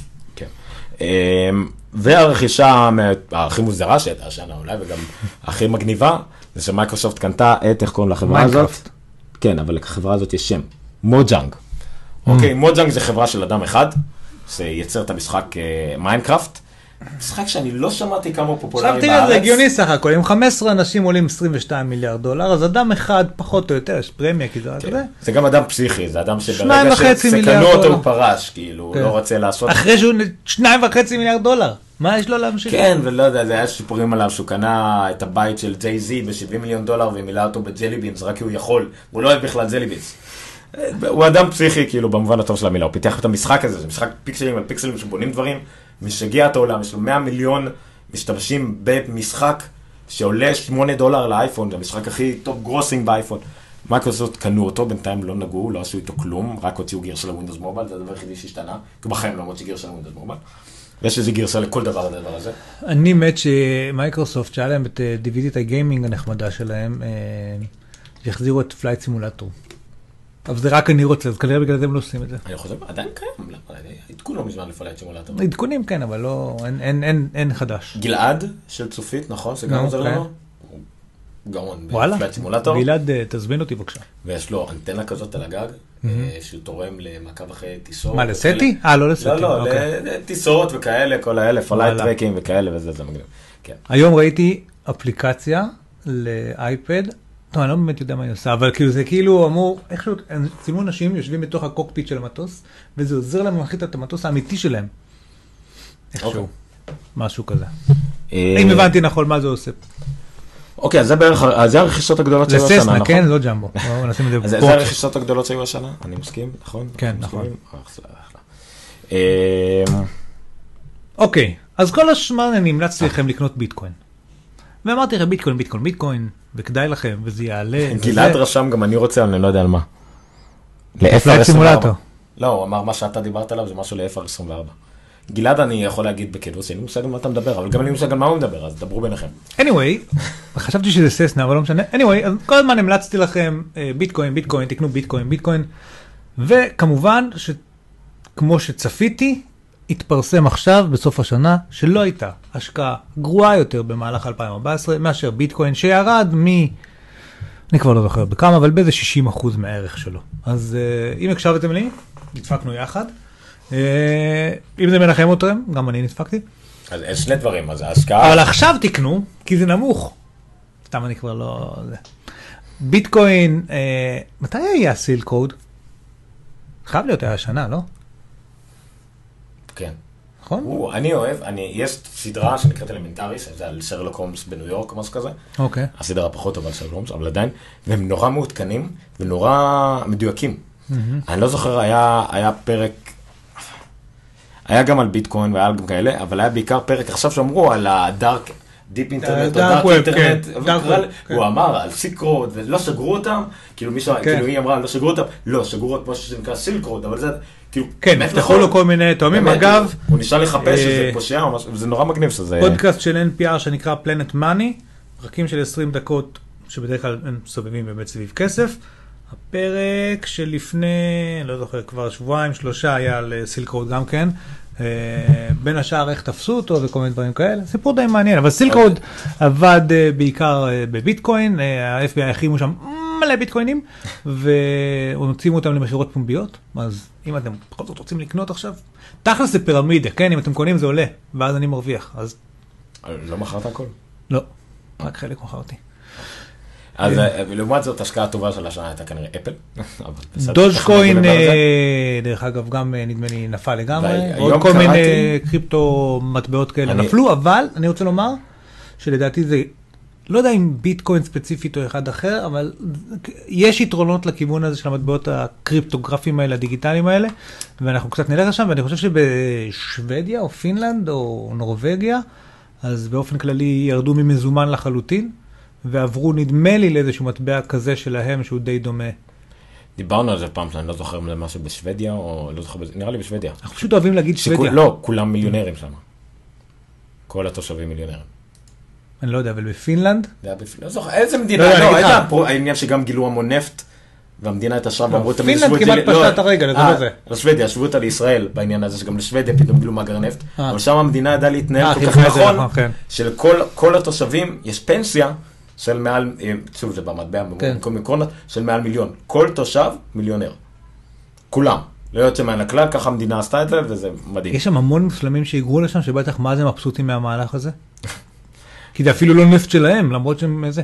אבל uh, בפינלנד, זה יש גם משהו מגניב, נראה לי שדיברנו על זה בעבר. יש uh, מערכת uh, דיפרנציאלית uh, לנושא של uh, קנסות. אז בזמנו מנכ"ל נוקיה, כאילו מה זה דיפרנציאלית? זה אומר שלפי גובה ההכנסה שלך אתה מקבל את הקנסות שלך. מנכ"ל נוקיה תפסו אותו על מהירות, קיבל 100 אלף יורו. אמ, כדי שהוא ירגיש את זה. וגם עוד משהו שאתה מעניין, לפני זה הסטייה האחרונה שלנו מהנושא. מה אתה עושה עכשיו? לא, אני סתם רק. שנוכל לראות יותר ממה שאנחנו עושים. אוקיי. אה, עוד איזה משהו נחמד ששמעתי היום, שאם, אם, סליחה, בתחילת כהונתו, של אובמה, כן. לפני חמש שנים הוא עשה כאילו תחזית עסקית של איך השוק יהיה והכל, לא תחזית של איזה אנליסט או משהו, משהו מאוד ריאלי, וזה התחזית הכי מדויקת שהייתה פעם לנשים בארצות הברית. כן? שאם היו מדייקים באיפה להשקיע ואיזה מה יעלה, מה ירד, מי שהמשקיע היה מאוד עשיר בתחזית של אנשים לגבי איך תהיה הכלכלה. אז וזה- יש משהו חיובי. אפילו אם יגידו שהכלכלה האמריקאית עכשיו לא טובה, כל עוד התחזית הייתה נכונה, זה מה שאומר שהנשיא עשה עבודה טובה או, אז תואמת יש את ה... משהו חיובי בנושא הזה. אוקיי. אה, אפרופו diversity. שעה, שעה אנחנו בשידור, אוקיי. עכשיו סיימנו את העניין של הטרנדים, עוד לא דיברנו על פר חברה, זה יהיה מה שנקרא סיבוב בזק. נזכיר מה כל חברה עשתה השנה, כי על הטרנדים בכללי דיברנו עכשיו. ממי נתחיל, ממי נתחיל, ממי נתחיל? אוקיי. אוקיי, אז אנחנו נ- נעשה את זה ממש שיבוב בזק, פחות עכשיו או אתה יותר. עושה את זה לפי הצעתו של הסליידים שלי, לא מה שכתוב לך במסמך. אין בעיה, נאלתר. אפל פיי. אפל פיי. אפל פיי הוצג ב-WWDC? נכון. לא. כן, עם iOS 8. מה זה, אני מה זה התרגשתי? לא, הוא לא הוצג, הוא הוצג ב... נו, בספטמבר. עם באייפון? האייפון 6. כן, כי חייבים את ה-NFC. הם לא יודעים, הם לא אמרו שיש NFC עד שיצא האייפון 6. אוקיי. אז אנחנו קצת מתחילים. מהסוף. אוקיי. אז זה, זה רק בספטמבר. מה הוצג? רק iOS 8? מה, בזה? כן. אה, בעיקר שמונה, כן. שמה היה בו? וכאלה וכאלה. טוב, אוקיי, anyway. אוקיי, אז אפל פיי, כרגיל אפל לקחה דבר שהיה קיים, גוגל וולט, יכלת כבר לשלם עם הטלפון שלך, אה, כרטיסי אשראי עם ציפים שכבר פופולריים בקנדה ובאירופה, לא בארץ, למרות שיש כאלה. אה, לקחה את זה, ולקחה את זה צעד אחד קדימה. אה, היא כמובן התעלמה מהפתרונות הקיימים, אלא אמרה שזה פתרון לא ייחודי לה, אבל משהו שהיא עשתה, שאתה בעצם יכול באמצעות מובנה במכשיר, זו תוכנה שמובנית במכשיר, אתה מתקרב לטרמינל כלשהו, רק מגיש את הטביעת אצבע שלך, אה, אוטומטית המכשיר, הטרמינל מזהה את האייפון, מעלה את הפרטים של האשראי שהטענת מבעוד מועד, ואתה משלם מיידית. אה, שוב, יש את זה, היה קיים, גוגל וולט וכדומה, אף אחד לא עשה את זה כל כך קל, כל כך פשוט, אה, וחשך יחסית הרבה שלבים, זאת אומרת, אה, חלק מזה למשל גוגל וולט גם מאוד עלה, כי רק מזה סוף סוף אנשים הבינו שהם יכולים לעשות את זה, גם אם יש להם אנדרואיד. אבל בשביל אנדרואיד אתה צריך לפתוח את המכשיר, ככה או ככה, לא יודע איך פותחים אנדרואיד כן. בשילוב, ככה. אנדרואיד, פותחים את האפליקציה של גוגל וולט, מטעינים אותה, שמים את הפין 4 שאתה שם, ורק אז זה משלם. זה בלי לדבר על ענייני האבטחה, אה, שבגוגל וולט אתה, הכרטיס שלך פיזית עובר דרך גוגל, וגוגל היא זאת שמחייבת אותך, והם מחייבים את זה, ופה אפל היא לגמרי רק איש ביניים, ש... שעוד יוצר. לך כרטיס חדש כל פעם. נכון, וזה הרבה יותר מאובטח בגוגל וולט, יותר נוח. אפילו אם זה לא מאובטח, זה אומר שאפל אין להם שום מידע על הרכישות שלך, וגוגל יש להם את כל המידע על הרכישות שלך. אז זה אפל פיי שיצא. ו- רגע, מעבר, מעבר לזה שהיא תפרה את הפתרון הטכנולוגי, לאורך המון זמן היא בנתה את התשתיות לדבר הזה, עם ה-Touch ID ו... ו... איך קוראים לזה? NFC שעכשיו עושה רק את זה. וכל. הדברים האלה, וזה תפרה לאורך הרבה זמן את הפתרון הטכנולוגי. עוד דבר שאפל עשתה, כמו שאפל יודעת לעשות, היא אה, הכינה את השת"פים, שעזרו לזה מאוד. ביום ההשקה, אני חושב שהם כבר היו עם איזה 60 אחוז מהבנקים, היום הם עומדים על 90 ומשהו אחוז מהבנקים, וכרטיסי האשראי שתומכים בזה. הם אומרים את זה בצורה מאוד אה, יפה, שזה כאילו 90% מהרכישות בארצות הברית פוטנציאלית יכולות להתבצע על ידי נכון, אפל פיי. והכריזו זה לא עכשיו קרוב ש- בכלל ל-90%, פוטנציאלית יכולות, זאת אומרת, מבחינת שילוב של בנקים, כרטיסי אשראי ו- ומקומות. וספקים, וחנויות כאילו, כן. כן. אה, אה, והם הכריזו עכשיו על זה שתחנות דלק ב-2015, יהיה אפשר להתחיל לתדלק עם אפל פיי. למרות שאסור להשתמש בסלולרים.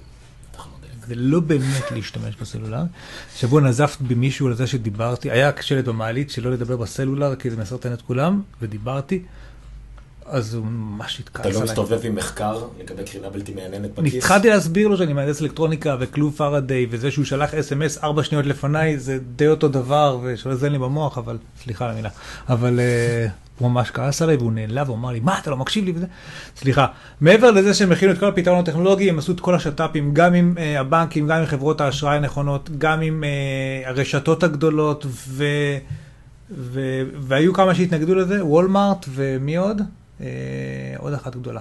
חסרה לי עוד אחת. זה וולמארט, אה, אה, אה, נו. עוד כל אחת הבתי מרקחת וכאלה. לא. כן, רייט אייד, ש- לא רייט אייד, רייט אייד היו בפנים, אני חושב שיש, לא לא זוכר, ברח לי, אני כל- וולגרינס היו בפנים, לא כל זוכר פעם כבר. שם אני שוכח, אני מכיר את המקום הזה. לא בקיצור, זה כן, אבל זה- העלה את המודעות, זאת אומרת, בעקבות לא, לא, זה... אבל מה שהם עשו, ש- שזה מה שאני מנסה לומר, החוויה מבחינת המשתמש, מעבר לזה שהם תפרו את זה טכנולוגית ממש טוב, ואתה מגיע לקופה, עושה טאק וזה עובד, הם גרמו לזה שביום שזה הושק, יכלת לקחת את האייפון 6 שלך, ביום שהאייפון 6 שלך הגיע ליד, להכניס את הכרטיס אשראי וללכת לקנות איתו כבר עכשיו, בהרבה מאוד מקומות, וזה גרם לאיזשהו אימוץ והבנה, מה שלא עבד עם גוגל וולד המון המון זמן. כאילו, מעבר לזה שהפתרון הטכנולוגי לא היה תפור בצורה הנכונה, לא היו את כל השת"פים האלה בצורה כל כך מסיבית אה, כמו שהיה לאפל, אה, וזה עשה הבדל מאוד משמעותי. follow-up, האתר שגלעד אה, משדר אליו, אה, שאפשר אה, לעקוב אחרי טיסות והכל נקרא פלייט רדאר 24, כאילו פלייט. רדאר 24 שלו. סתם, יש קהילה שלמה של אנשים שעושים את זה. אוקיי, זה אפל פיי. ל explain, איך קוראים לזה? יש אפשר- קהילה מטורפת. כן. אפשר לדבר.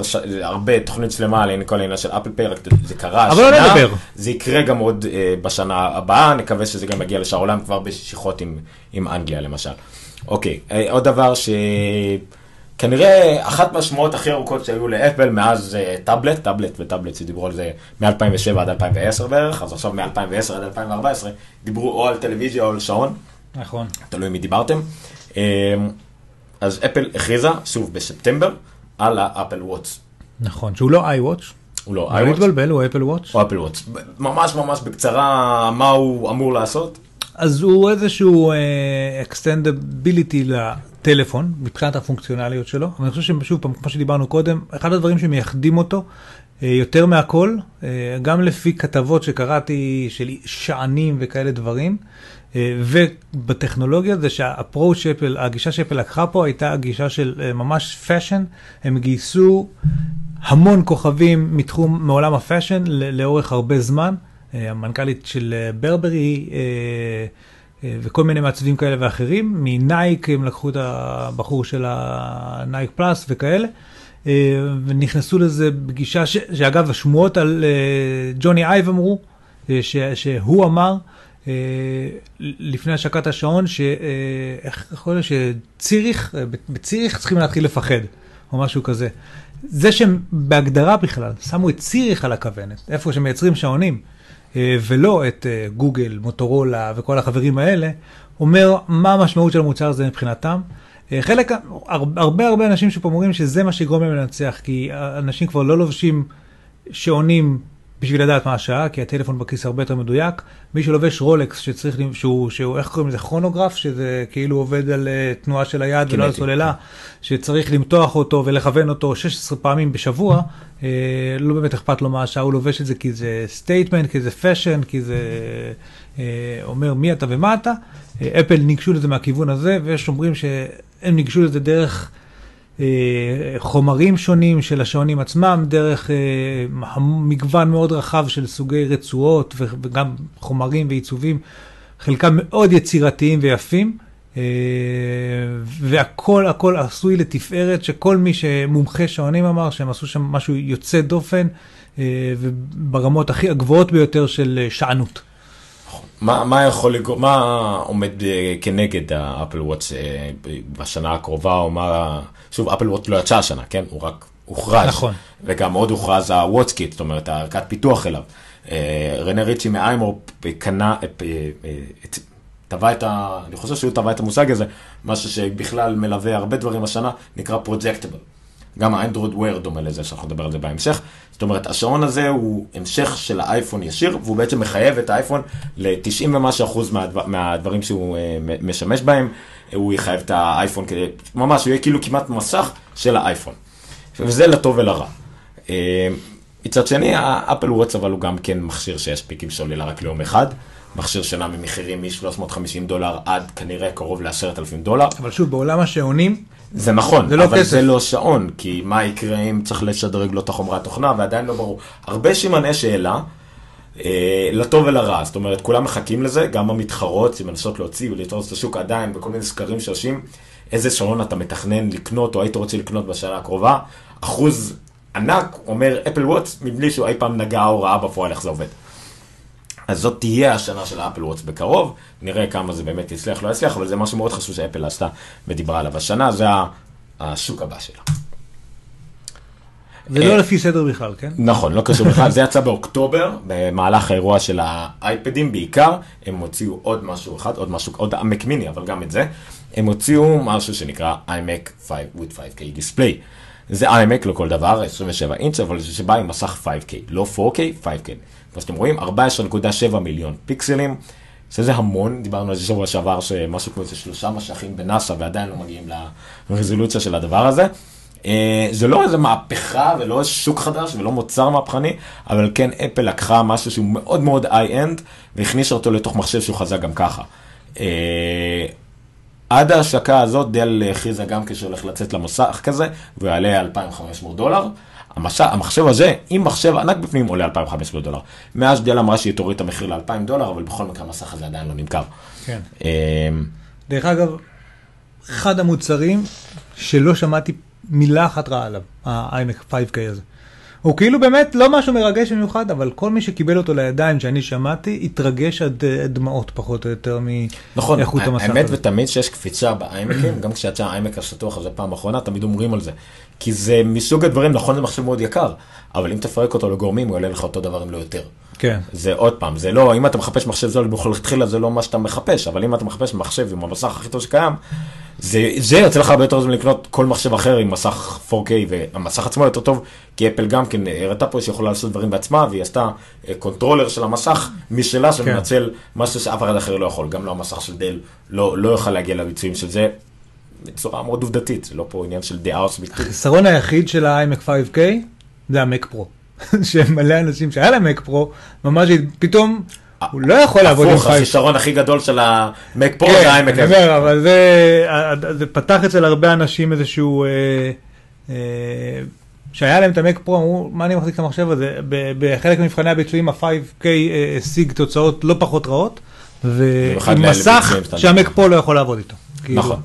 אז שוב, זה לגמרי מה זה כביכול עוד אה, מכשיר בליינאפ של אפל, אבל אה, שמראה את העליונות שלה והיכולות שלה אם היא באמת רוצה. וגם, דרך אגב, אפשר להבין מזה את כל העלייה לכיוון ה- הרטנה, מסכי רטנה והמסכים הגבוהים, גם באייפונים, אני חושב רק המקבוק פרו 13 הישן, והאיימק 21 אינץ, טוב, האיימקים בכלל, נשארו עם מסכים ישנים כביכול, והעתיד הוא לכוון המסכים שלא מדברים יותר על פיקסלים, על רזולוציה או על אה, גרפיקות עם מסוימות, אלא הכל נקי. ואם נחבר כמה משפטים שאמרת, רטינה, מקבוק ושמועות, אני מת שיצא כבר המקבוק אר 12 אינץ' עם הרטינה. כן, קפץ לי היום עוד איזה שמועה בנושא הזה. במיוחד העובדה שהוא יהיה בלי מאוורר. כן, כי גם עכשיו הוציאו עוד אחד בלי מאוורר של סמסונג, גם מי שלא זוכר. iOS, זה התמונה ששמת על iOS 8? זה כל הפיצ'רים, כי זה מתוך הסקירה של Stories. טוב, אוקיי, זה באמת לא רע. אה, כן, אתה את כל הפיצ'רים. iOS 8 הוא חוזה ביוני, אה, חלק מה-WWDC. אה, אם iOS 7 הביא לנו שינויים ויזו- ויזואליים עצומים, אבל פחות אה, פרקטיים, אה, פה היה לנו שינויים ויזואליים מאוד אה, קטנים, אבל המון המון המון תוספות ואפשרויות במערכת הפעלה. במסך הזה מאחורי אפשר לראות כבר את הדברים העיקריים.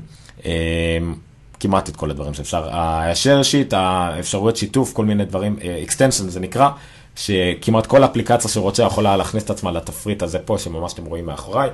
אה, אה, גם למטה, שזה ממש דברים פונקציונליים לעשות, וגם למעלה לפתוח את זה באפליקציה אחרת. זה ההבדל ביניהם אם מישהו אתה תהה. יכול לשלוח תמונה לוואטסאפ? לא, עדיין לא. למה? לא יודע. מניאקים. באמצע, במשך האמצעי, מי שרואה אותנו בווידאו, רואים את העניין של ווידג'טים, גם דבר שנכנס השנה, עם המון המון אפשרויות שאפשר להכניס ל notification center, אפשר להכניס את ה-today widget, המון דברים, אה, חלקם יותר, בעייתיים יותר ואפל הורידה והחזירה, חלקם יותר הגיוניים, אם זה סתם לראות אה, רשימת to do list או מזג אוויר, או אפילו בווייז עכשיו, שאתה יכול מה, נכון. מהווידג'טים ישר לקבוע, ללכת הביתה חסר לי שבווייז, ווייז אם אתם שומעים. להוסיף את המועדפים שלך שם. כן, נו באמת. מה זה מתבקש? ברור. אז זה הווידג'טים, ובמדף השלישי אתם רואים בעיקר אפליקציות חדשות, אם זה ה-health וכל מיני אפליקציות שנהיו הרבה יותר פרקטיות, אם זה אה, workflow, אפליקציה חדשה שבעצם היא Automator, לא יודע אם ניסית אותה או לא. עוד לא. אה, אני לא מבין בחצי מהדברים, אבל את הדברים שהצלחתי לעשות היא עושה מדהים, פשוט צריך לחפש, לא, אבל גם היכולת לחפש של- בקטלוג ודברים, היכולות שלו פשוט מדהימות, Overcast שיצא השנה, iOS 8 הביאה הרבה הרבה דברים אה, אה, מדהימים, אה, הביאה גם הרבה מאוד בעיות, באגים, אפל כנראה הוציאה את זה מוקדם מדי, לא מבחינת זמנים, אלא מבחינת המוכנות של המערכת ההפעלה, אין מה לעשות.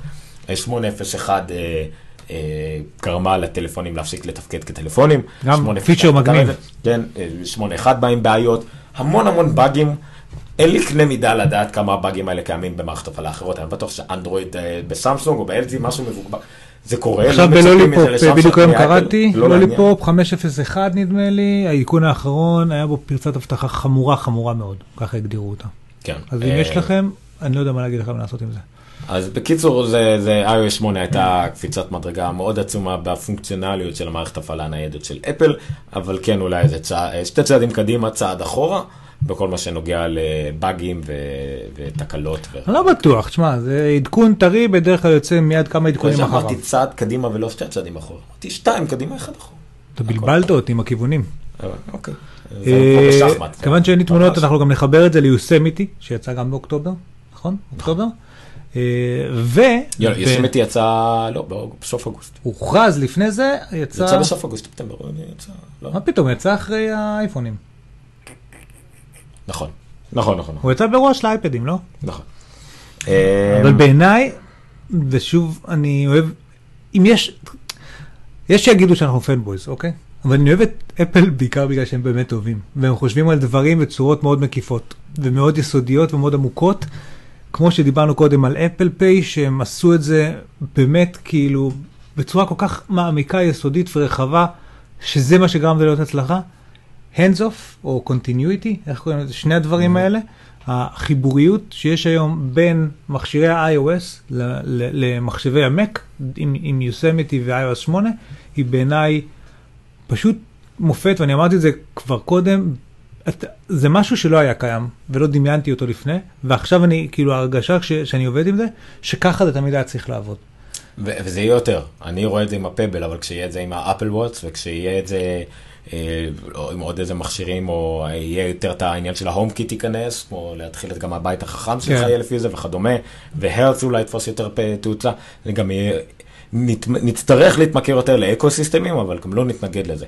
יש עדיין הרבה עבודה בתחום, למה נכון. לכל אורחות אין hands off במיוזיקה למשל, זה הרבה מתלוננים. מיוזיקה אמרת? אני אמרתי מיוזיקה, אני לא שומע למוזיקה, זה כבר לא מעניין אותי, אבל בסדר.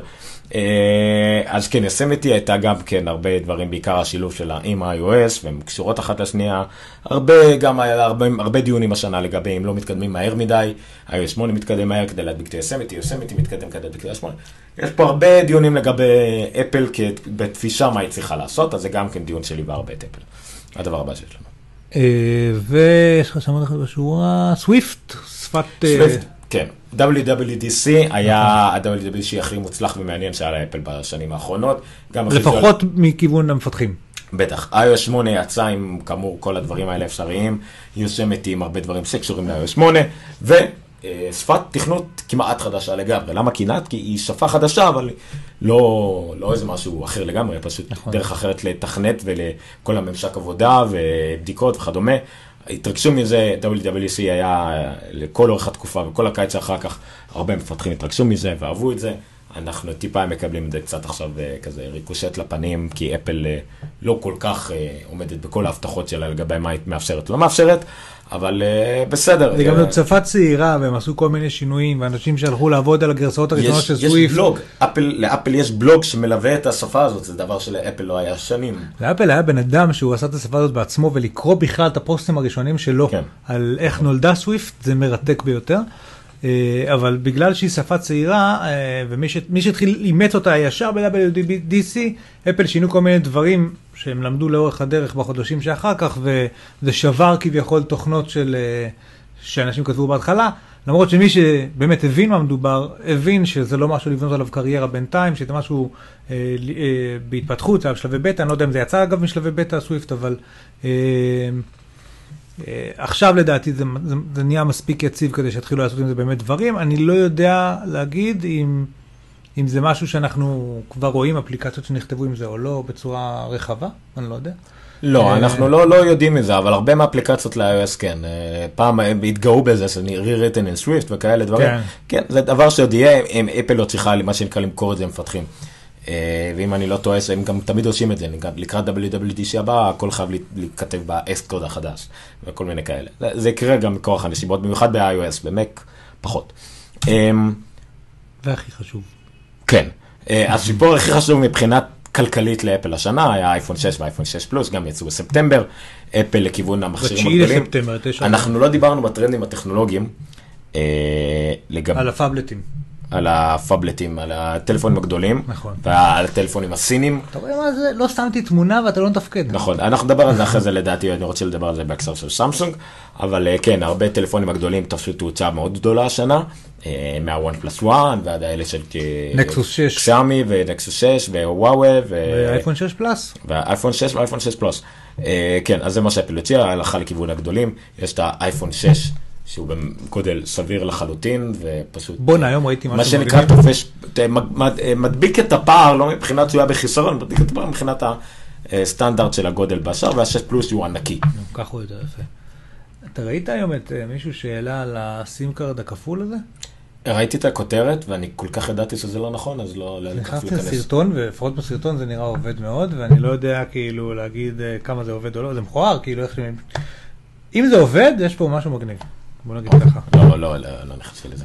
אוקיי, אז זה כמובן הדבר הכי חשוב מבחינת אפל, מבחינה, כי זה המוצר שאחראי ליותר מ-50% מה, מההכנסות או מהרווחים של אפל, אה, וגם זה ימשיך מה שזה להיות, והרבה מה ecosystem נבנה סביבו, אם זה ה Apple Watch, ואפילו יוסמתי והאייפדים, הכל אה, עדיין סובב סביב האייפון, שהוא עיקר הקשב של אפל. ושמועות חזקות מאוד מאוד מאוד של סיכום עונת הקניות של אה, חגים 2014, אומרות שאפל שיחקו אותה. נכון, גם מבחינת אה, מכירות של אייפון 6 וגם של ה-6 פלוס, וגם מבחינת כמות האפליקציות שירדו ונרכשו והכל, זה אין ספק. ובאופן כללי, אה, עד היום, מתי המכשיר יתחיל להימכר? באוקטובר? ספטמבר? שם? נכון? ב- כן, סוף עד היום עדיין יש בעיות אספקה של הדבר הזה, זה משהו פסיכי. נכון, נכון, אה, מירי אה, מיודענו המפיקה גם הולכת בארצות הברית ותקנה את זה שם, וכשאמרתי לה, את יודעת, אה, אני לא חושב שזה חכם שתלכי לשם, תלכי לחנות ותקווי שיהיה שם. היא אומרת, לא, תדאגי. שזה מטורף. כי מכרו שקים על מיל- מאות- עשרות מיליונים של הדבר הזה, נכון. ועדיין הביקוש הוא אדיר. בדיוק, אה, טוב, לא משנה. סיפור אישי כואב, שמישהו שהתנפץ למסך אחרי חמישה ימים מהרגע שהוא קיבל את המכשיר. אמ, אני מכיר גם מישהו אבל שאמור לקבל אייפון 6 פלוס ולא מקבל אותו פשוט. לא. הסיפור, הסיפור אה, הבא שהיה לנו מבחינת אפל השנה היה אה, הרכישה כן, של אין ביטס, אבל כבר. דיברנו על זה. גם ל-IBM אין לי תמונה. אוקיי, אז תצטרכו להסתכל עלינו. אוקיי, אז על ביטס דיברנו על כל המשמעות שלה ועל אה, שאפל בעיקר קיבלה את ג'וני... שואלי. אה, אייבן, אייבן, אייבן, איך קוראים לו משהו פרטי? כן. אייבן, לא משנה. דוקטור דריי. אז דוקטור דרי והש- והשני, אז עכשיו כנראה השבוע, ג'וני איובן, השבוע שמענו על, אה, אה, כנראה מה באמת הולך לעשות, הוא הולך לדבר עם סוכנים ואמנים וחברות מוזיקה, ולעשות בלעדיות עליהם באייטונס או כל דברים אחרים, לקחת למעשה חלק ניכר מהמשקל, לפחות מה שקשור למשא ומתן עם מוזיקה, מה שישאירו להם מקום למשא ומתן על סרטים וכאלה, על אדי קיו, וזה כבר הוא עושה. מה? מה עוד עכשיו? הוא ייקח את המשא ומתן לגבי מוזיקה וכדומה, ואדי קיו אה. נוכל אה, להתמקד במוזיקה ואפל טיווי ותכנים וכדומה. זה כנראה, זה כבר התחיל, אה, מה שנקרא, סיים את החפיפה והתחיל לעבוד. אה, ומה שאורס דידיו מהסימקו, אחד מהאנליסטים הכי ידועים ומוצלחים של אפל, שגם צמח בשנה, שנתיים האחרונות, אמר, כסיפור הכי גדול והכי חשוב של אפל, כנראה, ובטכנולוגיה בכלל, טכנולוגיה של המובייל בכלל, זה השיתוף פעולה בין אפל ל-IBM. דיברנו על זה כבר השנה. אני נזכרתי בעוד סיפור מעניין שהיה השנה. מה זה? שהננטק עבר ל... אפל. מעניין. בקטנה. הם בינינו, כן, שני הבכירים של הננטק עברו לשם, נכון. במסגרת הגיוסים המסיביים שאפל מגייסים פשוט את כל מי שטוב במשהו בעולם. היו לוקחים גם את גם אורס אותו. בדיו, אבל... כן, חכה, הוא בדרך. אמ, איפה היינו? אוקיי. IBM.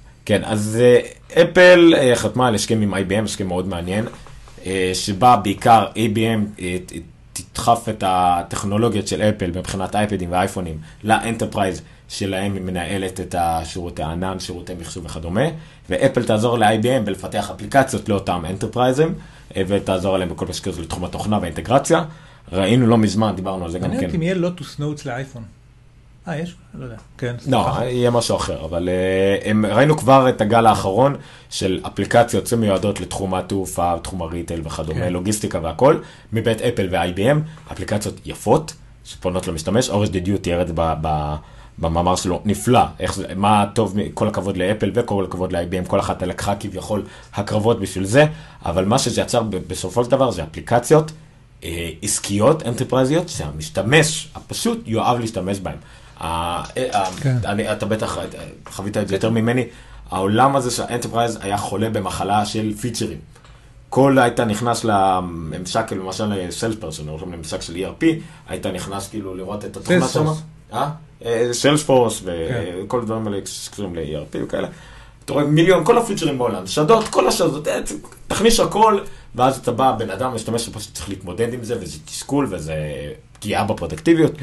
ואפל עוזרת ל-IBM לפתור את זה, ויוצרת אפליקציה מאוד. קיצור, זה יכול להיות מאוד חשוב, זה יכול להיות המון כסף. אפל מבינה שהיא אולי מאוד רחבה ב enterprise, אבל ממש לא עמוקה. זאת אומרת, היא נמצאת ב-90 ומשהו אחוז מה-500 החברות הגדולות, אבל ב, ב, בתוך כל חברה רק מעט מאוד משתמשים בה למטרות העסקיות, כי אה, הם לא, לא, לא עשו את האינטגרציה הזאת, ו-IBM תעזור לה בזה.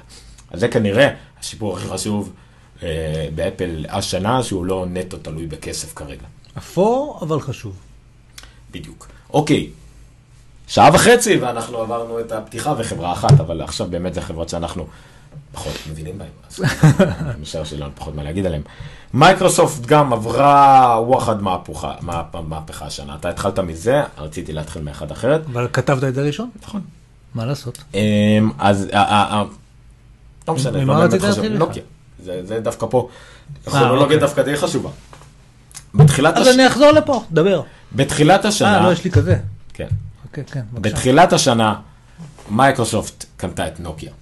אחרי מה שאי אפשר לתאר אותו אחרת חוץ משוק של פוץ מבפנים, אני לא יודע מה, כאילו, בואו נחתום, איתכם הסכם פעולה, אתם כל המכשירים שלכם אה, תייצרו מערכת הפעלה של אה, Windows, אנחנו ניתן לכם המון כסף, וגם במקרה קחו הנה בן אדם שינהל אתכם. הבן אדם הזה בינתיים ממוטט את נוקיה, מביא אותם לפשיטת רגל, ואז מייקרוסופט קונה אותם בזול. כן. צירוף מקרים? אני לא יודע. אה, איך קוראים לבן אדם הזה? אילופ? כן. אילופ? אה, אוקיי, אז מייקרוסופט קנתה את נוקיה במהלך האחרון של סטיב בלמר כמנכ"ל, מה שמוביל אותנו לעובדה שסטיב בלמר הוא כבר לא מנכ"ל של אפל, וגם לא יושב ראש. לא של אפל ולא של לא של מייקרוסופט. מייקרוסופט, נכון. של שתיהן לא. כן, וגם לא יושב ראש של מייקרוסופט. מי שכן, אחרי, הוא קודם כל פרש, ואז היה מין אה, תוכנית ריאליטי של מי המנכ"ל הבא של... כזה ש- מי המנכ"ל הבא של מייקרוסופט, והמנכ"ל הבא של מייקרוסופט היה בן אדם זה, סטיה נדלה. סטיה נדלה, אה, יהודי ממוצא הונגר, סתם לא. השם שלו פשוט זה. הודי ממוצא הודי. אה. הוא הגיע לא מתחום ה Windows, לא מתחום ה Office, לא מתחום ה mobile, אפילו לא מתחום ה consumer. הוא היה שם מנקה. כן, מנקה, מנקה שקיבל משכורת של אה, 50 מיליון דולר בשנה, על זה שהוא היה אחראי על Azure, על כן. Cloud Services, על כל האפורים, כל המקצועות האפורים, אבל שלא מפתיע, אה, השנה הפכו להיות המרכזיים של מייקרוסופט. אחד מהדברים, עושה שם כמה דברים מאוד חשובים לדעתי בשביל מייקרוסופט, וזה בעיקר איזשהו סדר וניקיון וקוהרנטיות כזאת של מי אנחנו ולאן אנחנו הולכים, מה שמאוד מאוד חסר אצל בלמר. אה, דיברנו על זה לפני כמה תוכניות שהוא אה, נקב בשלושה תחומים שהם הם מייקרוסופט וזה Windows, Office 365 ו Azure, וכל מה שמייקרוסופט עושה אמור לשרת את זה. אה, היו שם כמה גלי פיטורים די משמעותיים, כדי קצת להוריד מהשמנת. היו שם... כמעט כל אה, נוקיה. נוקיה עשתה את זה לעצמה, let's face it. לא, לא, אחרי שהם קנו את נוקיה, הם פיטרו איזה 20 אלף איש מנוקיה. לא, אבל לא רק זה, גם בתוך מייקרוסופט נדמה לי. שני גלים של 5,000 או זה משהו נכון. כזה די משמעותי. אה, באופן כללי, כרגע, עד עכשיו, זה נראה שהוא באמת מצליח לעשות שם סדר בדברים, זה לוקח לו זמן כי היה הרבה בלאגן. אה, אני, אני, מההרגשה שלי, הוא, הוא דבר מאוד טוב שקרה למייקרוסופט, אה, ואנחנו מתחילים לשמוע מכיוון מייקרוסופט דברים שלא האמנו שיקרו. בווינדוס 10, שתכף נדבר עליו, כנראה יהיה דפדפן חדש שיחליף את אינטרנט אקספלורר. אה, זה, זה שמעתי, לא נכנסתי לעומק לקרוא על זה. אבל אמרתי, יש לנו מספיק על מה לדבר. כן, לא, אני רק אומר כל מיני דברים כאלה, אבל, אבל ברמת העיקרון, עצם העובדה שמייקרוסופט מתחילה להתפקס על תחומים מאוד מסוימים, ועושה צעדים, כמו שתכף תדבר עליהם, עם האופיס וכאלה דברים, שהם מאוד משמעותיים ומראים שהם רציניים בכוונות שלהם, אני חושב שזה טוב לחברה הזאת, אני מקווה מאוד שהיא תצליח, כי אני רוצה אותה בשוק חזקה וממוקדת. כן, כן. אה, ואני רוצה גם שיהיה אופיס בעברית. אז השינויים שמייקרוסופט עשתה השנה, אה, שכן. פונים יותר לצרכנים, מייקרוסופט? אופיס בעברית למק. אה, זה מה שאתה רוצה. אם הוא שומע, סאטיה. אמ, אז שני הדברים שכן משפיעים עלינו כצרכנים. א' כל משהו שכנראה היה הרבה מאוד זמן בקנה, אבל סטיב בלמר סירב לעשות אותו. אה, אופיס לאייפד, ואחרי זה גם לאייפון, כל חבילת אופיס אה, יצא מזה, אפילו תומכת בעברית חלקית. אה, בהתחלה היא הייתה אה, גרסה חינמית מוגבלת, ואם היה לכם את האופיס 365 המנוי, הייתם יכולים גם לערוך. עכשיו כולם יכולים לערוך, אבל עדיין צריך מנוי כדי לעשות, אה, נגיד, מעקב אחרי שינויים. זה לא באמת משנה. features כאלה, זה פרימיום כזה. מבחינתי העובדה שיחד עם ה-iOS 8 אתה יכול לקבל במייל קובץ וורד, doc x ולעשות open with בוורד ותראה את זה 95% כמו שזה היה התכוון להיראות, זה כבר יתרון ענק, עצום, שלא ייאמן שאני אני מוכר אייפדים לאנשים מ-2010, זה דבר שהיה הכי מבוקש עד היום. דרך אגב, באופן מוזר, זה עובד על אה, אנדרואיד כן, ו-iOS, כן, לא ולא על Windows Mobile. נכון, לא רק של Windows Mobile, גם לא, ווינ- לא, גם לא Surface, אין, אה, אין גרסה מותאמת ל touch. יש אופי שעובד, אבל לא גרסת touch. גרסה Mm. כן. מאוד קלאנקית כזאת. אה, עוד דבר שיותר פונה אלינו, בכלל, כמו שאמרת, בגלל אה, סאטיה נדלה, הם עברו למודל הרבה יותר של, אה, של סרוויסים, cloud ו services והכל. 365 הפך להיות כמעט השם השני של אה, מייקרוסופט, רק תעשו לנו מנוי ב-100 דולר לשנה או 7 דולר לחודש, או מה שזה לא יהיה, ותקבלו כמעט הכל, בדומה לאדובי דרך אגב. אה, אז זה אומר למשל, אה, אה, זה לא רק כלפינו, אלא גם כלפי היצרנים, מה שמשפיע על המחיר של מוצרים אלינו. על כל מכשיר 9 אינץ' ומעלה, עד היום, ספק למשל היה צריך לשלם איזה 15 דולר, 20 דולר, 30 דולר, למייקרוסופט עברו לה- הרשות להשתמש בווינדוס. עכשיו הוא מקבל את זה חינם, עד 9 אינץ'. זאת אומרת, אם עשית טאבלט 7 אינץ' ואתה רוצה שעליו את ה Windows Mobile, אתה מקבל בעצם ווינדוס בחינם. אז 9 אינץ' ומטה, לא ומעלה. ומטה, ומטה, אוקיי. ומטה. אה, זה דבר, יחסית שערורייתי קודם, כן? אז שאפל- שמייקרוסופט תיתן את הלחם והחמרה שלה בחינם. אה, אבל הם נותנים את זה בלי המנוי ל-365. לא, לא, לא קשור- זה לא קשור אליך לצ- לצרכן, זה קשור כן. ליצרן. אתה כצרכן עדיין תצטרך מנוי 365 כדי לקבל את ה-additional features. נכון, אבל העובדה שאתה תשלם פחות, כי למשל, עד היום זה מפורסם שמייקרוסופט היא המרוויחה הכי גדולה מאנדרואיד בעולם, יותר כן. מגוגל, אה, על כל מכשיר וכדומה, אז דווקא על ווינדוס, מכשיר ווינדוס כביכול היא לא תרוויח מיידית, אלא רק על השירותים. אה, ועוד דבר שהם הכריזו עליו השנה, זה את, ההמשך ההגיוני לווינדוס 8, ווינדוס 10. נכון. אה, לא, זה הרבה- המשך לווינדוס 8.1. שמונה אחת, כן. אה, פורסם, דלף, יש גרסות אה, מפתחים, גרסות בטא וכדומה. לא, אבל כבר הוכרז רשמית, מה הבעיה? כן, כן, כן, לא, דלף, והם כן, מתי. אנחנו מפוצצים את זה? בסוף, גילית. אז כן, הם, הם, הם נתנו את ה roadmap שלהם, ה roadmap במקרה של מייקרוסופט בדרך כלל מאוד מדויק, רבעון זה, רבעון זה, רבעון זה, יהיה לנו Windows 10 בשנה הקרובה, ב- לקראת סוף 2015 Windows 10 יהיה רשמי, עם המון פיצ'רים, start menu מוזר ומשוכלל כזה, או בכלל משהו שאמור להחזיר, אני משער שזה יגיע עם עוד הרבה שינויים שקשורים לענן. אוי, רגע. שכחתי להראות גם את זה, נכון, שזה האופיס למק. לאייפד. וזה ה start אה. menu החדש, תסתכלו. כבר שמעתי שאנשים מתלוננים עליו. הוא בא עם מיניונים. מיניונים, כן. בקיצור, אני מצפה שזה לא יהיה רק זה, יהיו עוד הרבה שינויים אה, מעניינים 10 שקשורים ל... אה, שוב, לסרוויסים ודברים האלה שמייקרוסופט מנסה. אני רוצה. לומר שדיברנו על זה בעבר, שבאיזשהו מקום בעולם המובייל, אמנם הם נחלו כישלון חרוץ, לדעתי, מייקרוסופט. קצת קשה להתווכח אם זה לא רק דעתי, כן? אבל מצד שני, הגישה שלהם הייתה גישה שאני מאוד מאוד אהבתי, ודיברנו על זה לאורך כמה פעמים. אה, Windows מובייל היא המערכת המקורית, אני חושב, כאילו חוץ נגיד לצורך העניין אייפון המציאו את איך נראה הסמארטפון. כל השאר העתיקו, ווינדוס מובייל בא עם משהו חדשני, אה, קצת משוגע, לא יודע, קצת שונה, קצת אחר, אבל שהראה על חשיבה ומקוריות ולנסות לפצח דברים, והם באו מגישה ש, שזה סובב את המשתמש ואת החברים שלו, ולא בהכרח סובב את האפליקציות, ואת, הם באו עם חשיבה. הצליח או לא הצליח, יכול להיות שהם היו קצת late to market וכל מיני דברים אחרים, אבל אה, זה, אני רואה את אותה חשיבה ואת אותו, אה, אותה מקוריות. גם בווינדוס 10 ככה זה נראה לי. אני חושב שב-8 הם עוד לא היו שם וניסו ללכת לשם, ו-10 נראה כמו משהו, לא יודע, מה screenshot הזה בכל אופן, אבל גם קצת מהדברים שקראתי עליו שהוא יהיה מעניין. שהוא יהיה, אני- שהוא יהיה אלטרנטיבה אחרת ממה שקצת אנחנו מכירים היום, נגיד, זה לא יהיה העתקה של מק וזה אפילו לא יהיה העתקה של הווינדוס הקיים, זה יהיה משהו אחר, חכם ומעניין. זהו, הדבר תמיד שאמרו להם שהם ניסו לעשות את ווינדוס 8 למשל, כל המכשירים אותו דבר, ווינדוס כן. 10 יהיה הפרדה יותר ברורה לגבי מה מתאים ל touch, מה מתאים ל phone, מה מתאים ל- למחשב, אה, ושוב, נצטרך לחכות ולראות. אה, אני באמת רוצה שהם יצליחו. שוב, אני חושב שמייקרוסופט החדשה, לצורך העניין, חברה מאוד מעניינת ושתתרום הרבה לתחרות ו... ותיקח את העולם הטכנולוגי קדימה. אוקיי, נעבור לחברה הבאה. אה, גוגל, גם לגוגל השנה הייתה שנה מאוד עמוסה. אה, אני חושב, בין כל החברות שנזכור היום, כנראה לסמסונג ובלקברי הכי פחות, אבל אה, גוגל כן. גם שנה מאוד עמוסה, התחילה מלקנות את אה, נסט כאמור, ב-3 ומשהו מיליארד דולר, קנו את הבן אדם שפיתח את האייפוד, הם קנו את ה Nest. הם איכשהו כיוונו על איזושהי כניסה לתחום הבתים החכמים לא ואינטרנט רק הבתים of Things. חכמים, בדיוק ה Internet of Things, ב Nest יש אנשים שהם אנשי עיצוב מוצר ו design של מוצרים, שעשו, זה אותם אנשים שעשו את האייפוד, חלקם לפחות, ואת ה Nest עצמו. זה סוג של אנשים שהיה חסר בגוגל, בעיקר אם רוצים להיכנס לעולם ה-wearables ועולם הבתים החכמים והעולם של לייצר חדשות? דיווייסים. ראשון.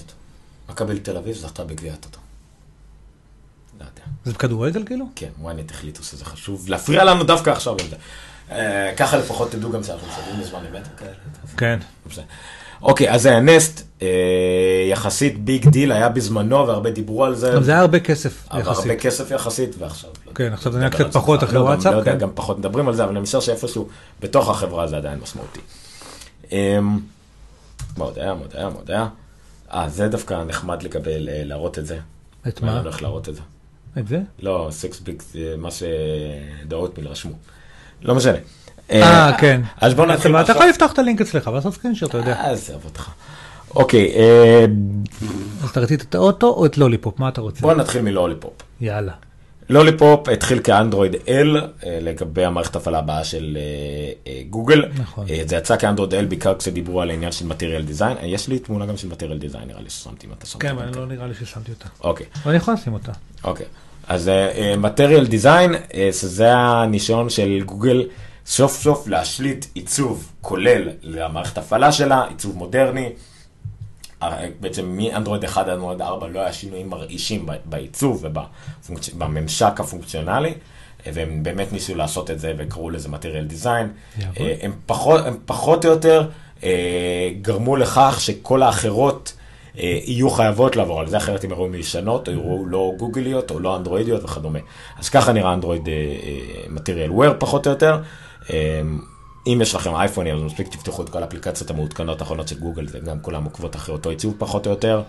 אה, זה מעבר לאיך שזה נראה, זה כמו קווי המתאר, או תוכנית המתאר, או אה, Human Guidelines, כמו שאפל עושה, ה-HIG, אה, Human Interface Guidelines, אז זה בערך השג... השיטה של גוגל לעשות את זה, הם באמת מת- התחילו להבין שהממשק משתמש חשוב לא פחות מהפיצ'רים, ואנחנו מאוד מקווים שזה מה שהם... אה, שוב, באופן כללי, הם התחילו להתמודד עם הבעיה שהייתה מאוד קשה למפתחי אנדרואיד, של הפיזור האדיר על פני מיליון גרסאות ודברים כאלה, על ידי הקווים האלה בין השאר אמורים גם מעבר לזה, ליכולת לגרום איזשהו look and feel יחסית אחיד, גם לגרום למפתחים, לתת להם איזושהי יכולת לעצב דברים שיעבדו אחר כך בצורה טובה יותר על פני עם מגוון רחב יותר של מכשירים. אה, ואולי קצת אפילו לנסות לאלף קצת את ה... במובן באלף, כאילו, את היצרניות שהתחילו להשתולל עם העיצוב לכל מיני אמרת מקומות. לאלף באלף. כן, כן, התימני שבי, הוא יוצא לפעמים. א' לא גרונית? אבל אני לא תימני בגלל זה. אמ, אוקיי, אה, זה מטריאל דיזיין ונקווה שזה באמת אה, משהו שישפיע על גוגל השנה, אבל אה, לוליפופ זה בסוף, בסוף הכריזו שזה קוראים ללוליפופ למערכת הפעלה עצמה שמיישמת את כל העניין של ה Material Design, וה Material Design הזה ולוליפופ ואנדרואיד, כולם גם התממשו עם האנדרואיד וויר. אנדרואיד וויר היה התשובה של גוגל לאפל Watch, עוד לפני שאפל Watch יצא, נכון. לפני ש WatchKit יצא.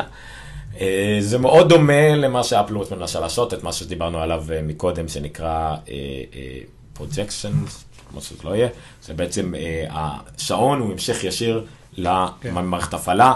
בעיקר כל מה שקשור ל Okay Google, אם אתם בתוך ה ecosystem של גוגל ואתם כבר הזנתם לשם והאימייל שלכם בגוגל וה calendar שלכם בגוגל ואתם משתמשים ב Okay Google, השעון הזה יהיה כנראה מושלם בשבילכם, הוא ידע מה הדבר הבא בלו"ז שלכם, יראה אוטומטית המפה, יעלה את, ה, את הכרטיס טיסה, כל הדברים האלה, אנדרואיד Wear אה, בהתחלה התקבל קצת בחשש, בסופו של דבר קיבל מחמאות, במיוחד במישהו, מי שבאקוסיסטם של גוגל, אין מה לעשות. אני חושב שמוטו 360 הביא את הטוויסט שם. אה, הביא, כן, הוא היה הצלחה אה, מאוד גדולה, מוטו 360, עם הרבה ביקורת מצד אחד, אבל עזבו אתכם מביקורת. אה, בסופו של דבר הוא מצליח לאנשים, נותן אה, אחד, שתי, אה, יום עד יומיים של שוללה, או אנשים מספיק מצליחים לראות אותו כדבר פונקציונלי וששווה את ההשקעה ושווה את ה... לשמור אותו ליד. עדיין להרבה אנשים, בכל תחומי השעונים, שעונים, אם אתה שכחת להטעין את זה פעם אחת, האם אי פעם תטעין אותו שוב. כאילו, כן. זה, זה, זה הבעיה הכי גדולה של ססטנטביליות. אבל, אבל שוב, הדבר הזה, א', נראה מספיק טוב, להבדיל מרוב הגוגל וויר האחרים, המוטו 360. כן. דרך אגב, מה שאתה מראה פה זה לא, לא מוטו 360. כתוב לו מוטו 360. כן, ויש לו את הפאנל הקטן הזה למטה. הנה, יש, רואים אותו כאן. לא, זה אמור להיות ישר, זה לא ישר. לא, זה... אה, הבנתי אותך. כן, זה מוטו 360. אה, אוקיי. אתה יודע מה, אני אראה לך דווקא אחד אחר, כדי גם להראות לכם שהפנים שלו יכולות להשתנות, שזה נורא נחמד. זה מוטו 360 גם. אה, וזה חלק ממה שגוגל מביאים פה, את זה שזה גם שעון, אבל גם כל ה front של האנדרואיד על פרק ידכם, בלי צורך להוציא את הטלפון מהכיס, בצורה אסתטית מספיק, כדי שתלכו עם זה באמת, ושנותנת לכם איזשהו value אמיתי מעבר להיותו שעון. אוקיי, okay, וגוגל אה, התחילה וסיימה את השנה עם זה. אה, בתחילת, לקראת תחילת השנה ראינו את כל הדיבורים על self driving car, וזה היה ידוע שזה הכל, אבל הם הוציאו והביאו אנשים גם לנסיעות מבחן. אה, הדגם הראשון של driving car היה אה, בלי שום אמצעי שליטה, אבל אז חייבו. אותם לשים הגה ודוושות, אפילו הם לא עושים הרבה, העיקר שיהיה שם למקרה חירום, אז הם עשו את זה. פה אנחנו רואים את The Oatmeal, שהאמת הוא, הוא תותח, זאת אומרת, זה בן אדם שהתחיל לעשות קומיקסים מגוחכים, אבל הוא קיבל מנסיעות המבחן הראשונות על טסלה. על כן. טסלה חדש ועכשיו על ה self driving car, פשוט נהיה קומיקס גיקי טכנולוגי לחלוטין. אז אה, כן, כל מיני מסקנות שלו מנסיעה על, על גוגל self driving cars. השורה התחתונה שלו טובה, כן? אפילו אם, אה, אם פה איזה דברים מגוחכים, השורה התחתונה היא מאוד טובה. זה העתיד. אה, תיאר למשל סיטואציה בה הם נסעו במכונית, היה, היו צריכים לפנות ימינה, אז כולם כמובן הסתכלו שמאלה כדי לראות שלא מגיע אף מכונית, ואז לא היו מכוניות לא היינו, על המכונית לא נסעה, ואז מתברר שהיה הולך רגל נכון. בצד. והמכונית עשתה את כל ההחלטה, מי עולה, אם הוא יעבור, המכונית תיסע, אז בסוף אה, היא החליטה את זה לבד ועשתה את ההחלטה הנכונה. דברים מאוד מגניבים, מאוד מפחידים. גם הביא את הסיטואציה שבו סבתו או אימא שלו איבדו את ה... עברו איזושהי תאונה ואיבדו לא זוכר אם אתה יכולת ללכת או לראות או לשמוע איזושהי יכולת די בסיסית שדי שיתקה אותה לחלוטין, ושכלי כזה שבה היא לא צריכה לנהוג יכול להחזיר לה נתח ניכר מהדבר, מהיכולות שהיא איבדה. עצמאיות, אה, עצמאיות, נכון. מהרגשה, כן. וזה מתחבר לעוד טרנד מאוד חזק שהיה השנה, של כל מה שקשור לאובר, ובעצם יש ירידה בארצות הברית בכמות האנשים שמוציאים רישיונות נהיגה, נגיד גילאי 17, יש ירידה בערים. ברורה, בערים הגדולות, אה, בכמות האנשים שבכלל רוצים רישיון נהיגה. ובדיוק שמעתי בארץ על כל הטענות בדיוק הנגדיות. בגלל המצב התחבורה בארץ הרעוע, אנשים קונים מכוניות בכוונה. אה, ואז אפילו, אם הם, אה, אפילו רק בגלל שישי שבת, אנשים קונים מכונית כדי להתנהג בשישי שבת, ואז, אה, כבר יש לי מכונית, אז אני כבר לא אשאר באמצע השבוע, או לחילופין אחרת, כן? הרבה... אבל לדמיין סיטואציה שבה לא רק אני מזמין אובר לעבודה, אלא זה גם ככה מגיע בלי נהג, כאילו זה הופך משהו בנסיעה להרבה לא, יותר... לא אה, ראית סיליקון וואלי עדיין, נכון? ראיתי לי פרק 2. אז זה, זה מסתיים כזה בדבר מצחיק, לא משנה.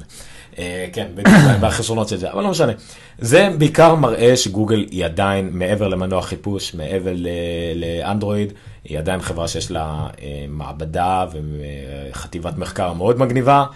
אה, היא פועלת, להז- היא טיפה אולי אופטימית מדי, אבל היא בהחלט פועלת לכיוון העתיד.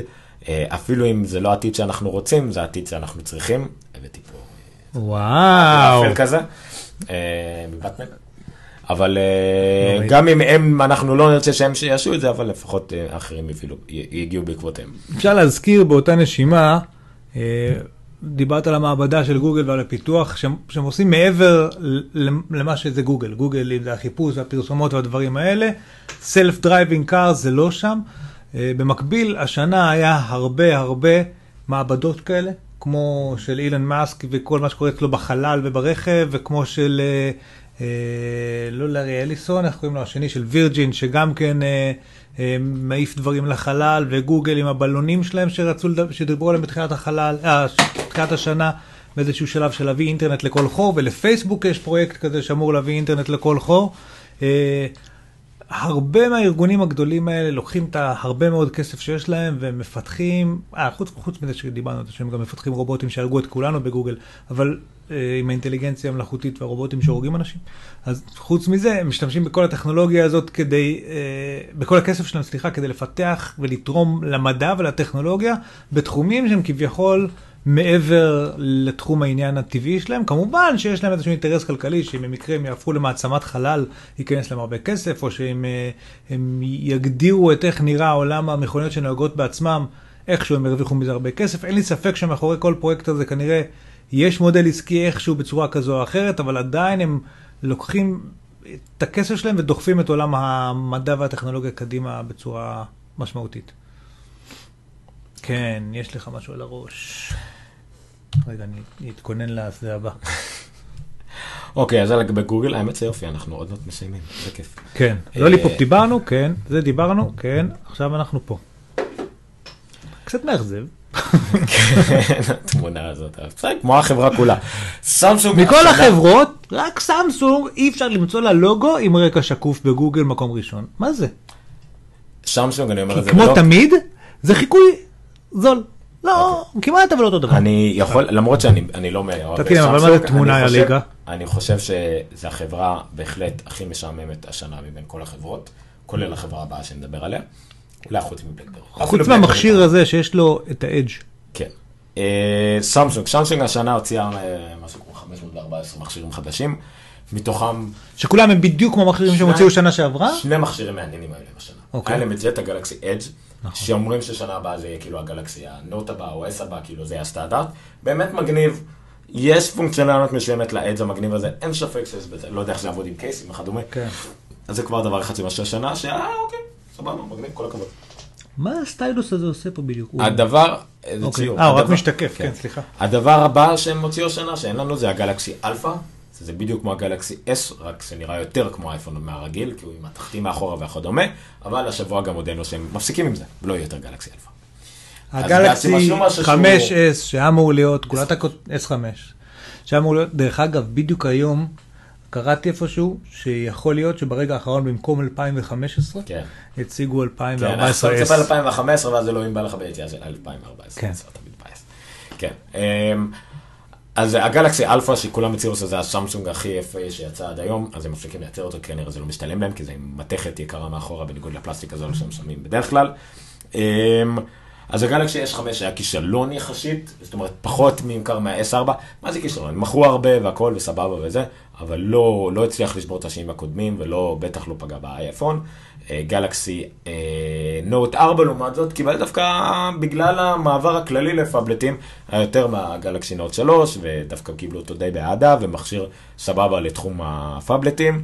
לא שמתי פה את LG, אבל LG G3 גם זכה ל... יצא כבר G4 נראה לי, לא? לא. לא. ה-G3 בקיצור, נדמה לי, קראתי עליו שהוא זכה להמון המון שבחים ומחמאות. נכון. ועדיין לא נמכר מספיק. ו-LG עדיין בהפסדים, LG עדיין, LG החברה שהיא ברק איבן, סמסונג מרוויחה, אפל מרוויחה- LG בברק איבן, כל השאר מפסידות. כן, אה, זה- HTC כבר, מר- HTC במצב קשה די הרבה זמן. ו- ומוטורולה, אה, אה, מוטורולה מפסידים, לא דיברנו על זה, אבל שלנובו קנתה את מוטורולה, נכון. לנובו קנתה את X, את כל החטיבת שרתים של IBM, נכון. לנובו קנתה הרבה, ולנובו היא סינית, להזכירכם. לא יפנית, לא קוריאנית. לנובו קנתה. את מוטורולה מוביליטי מגוגל. מגוגל. יש לציין שקנתה את אה, מוטורולה מעצמה. כן, ב-1 חלקי 17 מהמחיר של... כן, אבל היה. שם, גוגל לקחו הרבה מה-IP החשוב, כן. ונתנו בעצם רק את הברזלים פחות או יותר ללנובו. לנובו. שזה מה לנובו שלנובו זה רצתה. מספיק, כן, כי הם- נכון, נכון. סינים בכל מקרה, ויקחו הכל בעצמם. עוד אה, חברה שאם אנחנו כבר מדברים אנדרואיד, וקודם הזכרת את זה בנשימה, זה ה-one plus one. זהו. אני רוצה עכשיו, אוקיי. למה אני רוצה להגיד את זה? כי סמסונג אה, סבלה משני דברים. א' כל סמסונג היה לה עלייה מטורפת בשנים האחרונות, וכל הכבוד לסמסונג, לא משנה איך היא הגיעה לזה, היא הגיעה להיות הדה פקטו, הסטנדרט של הטלפונים שהם לא אפל. גם בארצות הברית, שפשוט אכלו את כולם. ראיתי איזה, מ-2011 היה איזה מדדים והכל, בלקברי עדיין מאוד חזק, מוטורולה מאוד חזק, סמסונג איפשהו על 10 ומשהו אחוז, הם הפכו להיות הרבה יותר בארצות הברית, כל הכבוד להם. אה, אבל הם הגיעו לתקרת זכוכית שהם לא יכולים לע- לעבור אותה, למה? כי מבחינת המכשירים הממש זולים, שזה היה הלחם והחמאה שלהם, הם מתקפים למטה על ידי הסינים. אם זה ה-one plus נכון. one, אם זה הקסאמי ואם זה הוואווה, הם ממש, ולנובו, הם אוכלים אותם מלמטה במכשירים עם יותר feature־ים, יותר גדולים, יותר משוכללים, ולפעמים יותר זולים, אוכלים אותם מלמטה. מלמעלה, בגלל שהגלקסי אלפא לא מצליח, בגלל שהגלקסי S5 לא מצליח, בגלל שאפל הוציאה את ה-6 פלוס, הם גם, הם לא מצליחים לקחת מהנתח של אפל, והם בחיים לא יוכלו לקחת מהנתח של אפל ב high-end. ואיפשהו באמצע, אנשים כבר לא קונים כמעט אמצע. אולי רק אמריקאים, כי יש להם את כל הקטע של כן. הסבסוד.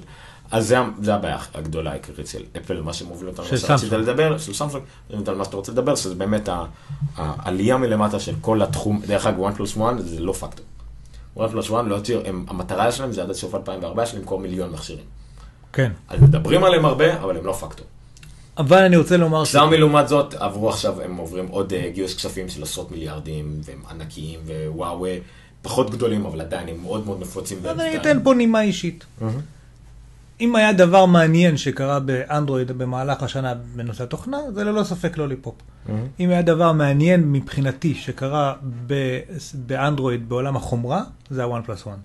היום, כששואל אותי מישהו איזה מכשיר לקנות, אני אומר לו, תמצא הזמנה ותקנה one plus one, זה לדעתי מכשיר האנדרואיד הנכון ביותר היום, התמורה הכי טובה לכסף. נקסוס היה בפוזיציה הזאת לפני שלוש שנים או שנתיים. לא, אפילו נקסוס 5 לא, לאחרונה. אבל היה נקסוס עד 6 שזה- כבר עולה 700 או 800 נכון. דולר, ולכן, ה-one plus one הוא כאילו הממשיך הטבעי של הנקסוס של 5, הנקסוס. כמעט, נכון. חוץ מהעניין של המערכת ההפעלה שלו עדיין היא custom ועדיין צריך אה, לתחזק נכון. אותה בניגוד לנקסוס. למרות שראיתי one plus one עם ונילות, פשוט כאילו, ש... נכון. אני קניתי one plus one, צריך כן. לקבל את זה, סתם חקרתי על זה. אם אתה רוצה בסטנדרט, אתה צריך לעשות את העדכונים הרגילים over the air, ואז לוליפופ יגיע למשל רק בסביבות פברואר. כן. אתה יכול להתקין רום מיוחד על נכון. כינורים, ואז נכנסים לעולם הזה, אז אני מבחינתי, זה לא פקטור. כי לדעתי, למרות שאנדרואיד כן יותר מיועד לאנשים קל, עדיין רוב האוכלוסייה לא תעשה את זה. זה יותר נכון. מעניין אותי איך אדם רגיל, אפילו שהוא מתקדם כמוני, יטפל בזה. אני לא בטוח שאני רוצה להתחיל להתקין רומים וכאלה. anyway, זה עדיין יותר טוב מכמעט כל הוא השאר. אחלה מכשיר, נכון. במעט מאוד כסף, וזו הנקודה המשמעותית. אה, אולי הם עשו את זה באמת בגלל שהם מייצרים באיזושהי דרך, שבגלל זה גם האספקה מוגבלת, אולי... הם לא מרוויחים. זה זה אולי פשוט מאוד, הם לא אני מרוויחים. לא יודע איך הם עשו את זה, אבל 350 דולר או כמה 400 עלה ב-32 ג'יגה, אני לא יודע. לא, לא, 300 זה 350. 300 ל-350, נכון? 350 16 ל-32 ג'יגה. 64. ל-64? 64. אוקיי, עוד יותר טוב. והוא מכשיר מסך 5 נקודה או 5, משהו כזה. מסך לא טוב אבל. אבל לא. רע, אני נכון, ראיתי לא אותו, לא נכון, ראיתי לא אותו, רע. הוא מכשיר בינוני, אבל בינוני טוב. full HD אבל עם הזכוכית. רוב לא האנשים שאני מכיר, זה. מה שהם צריכים, אין מה נכון. לעשות. מסכים אה, לחלוטין. ואם אתם שואלים איזה אנדרואיד לקנות היום, תנסו להשיג הזמנה ולקנות אותו. אם אתם רוצים ממש phablet אז אפשר את הנקסוס 6 למצוא. נכון, אבל העניין. שאם אתה לא רוצה phablet, אז במקום השני, לדעתי, עומד הנקסוס 5, שהוא מכשיר מלפני שנה, נכון. שזה אומר שבשנה האחרונה לא יצא משהו, או ראוי מספיק, כדי להחליף אותו. אני חושב שיצא, אבל זה מחברות... מה היית ממליץ היום לבן אדם לקנות בפועל? אני יודע ש-LG G3 מעולה, נכון, אבל הוא phablet כבר גדול מאוד. נכון. ה-S5 אני לא זוכר מה הגודל של נראה. אבל אף אחד לא קונה. אותו, אבל אף אחד לא מרוצה ואם ממנו. היינו במדינה נורמלית, גם היה לנו את המוטו X, הוא נחשב מוטו. נכון, המוטו X נכון. נכון. כמעט רציתי לקנות את המוטו G, היה בטוח שב sale ב-120 דולר. off contract. off contract את המוטו G. off contract 120 דולר? כן, ב-30 דולר, משהו כזה. הייתי קונה רק כדי שיהיה טלפון מגירה בבית, מה זה? נכון, נכון. תגיד, אתה... דבר איתי על זה, כי כמעט קניתי את הטלפון של החברה הבאה שאנחנו רוצים לדבר עליה. אמזון.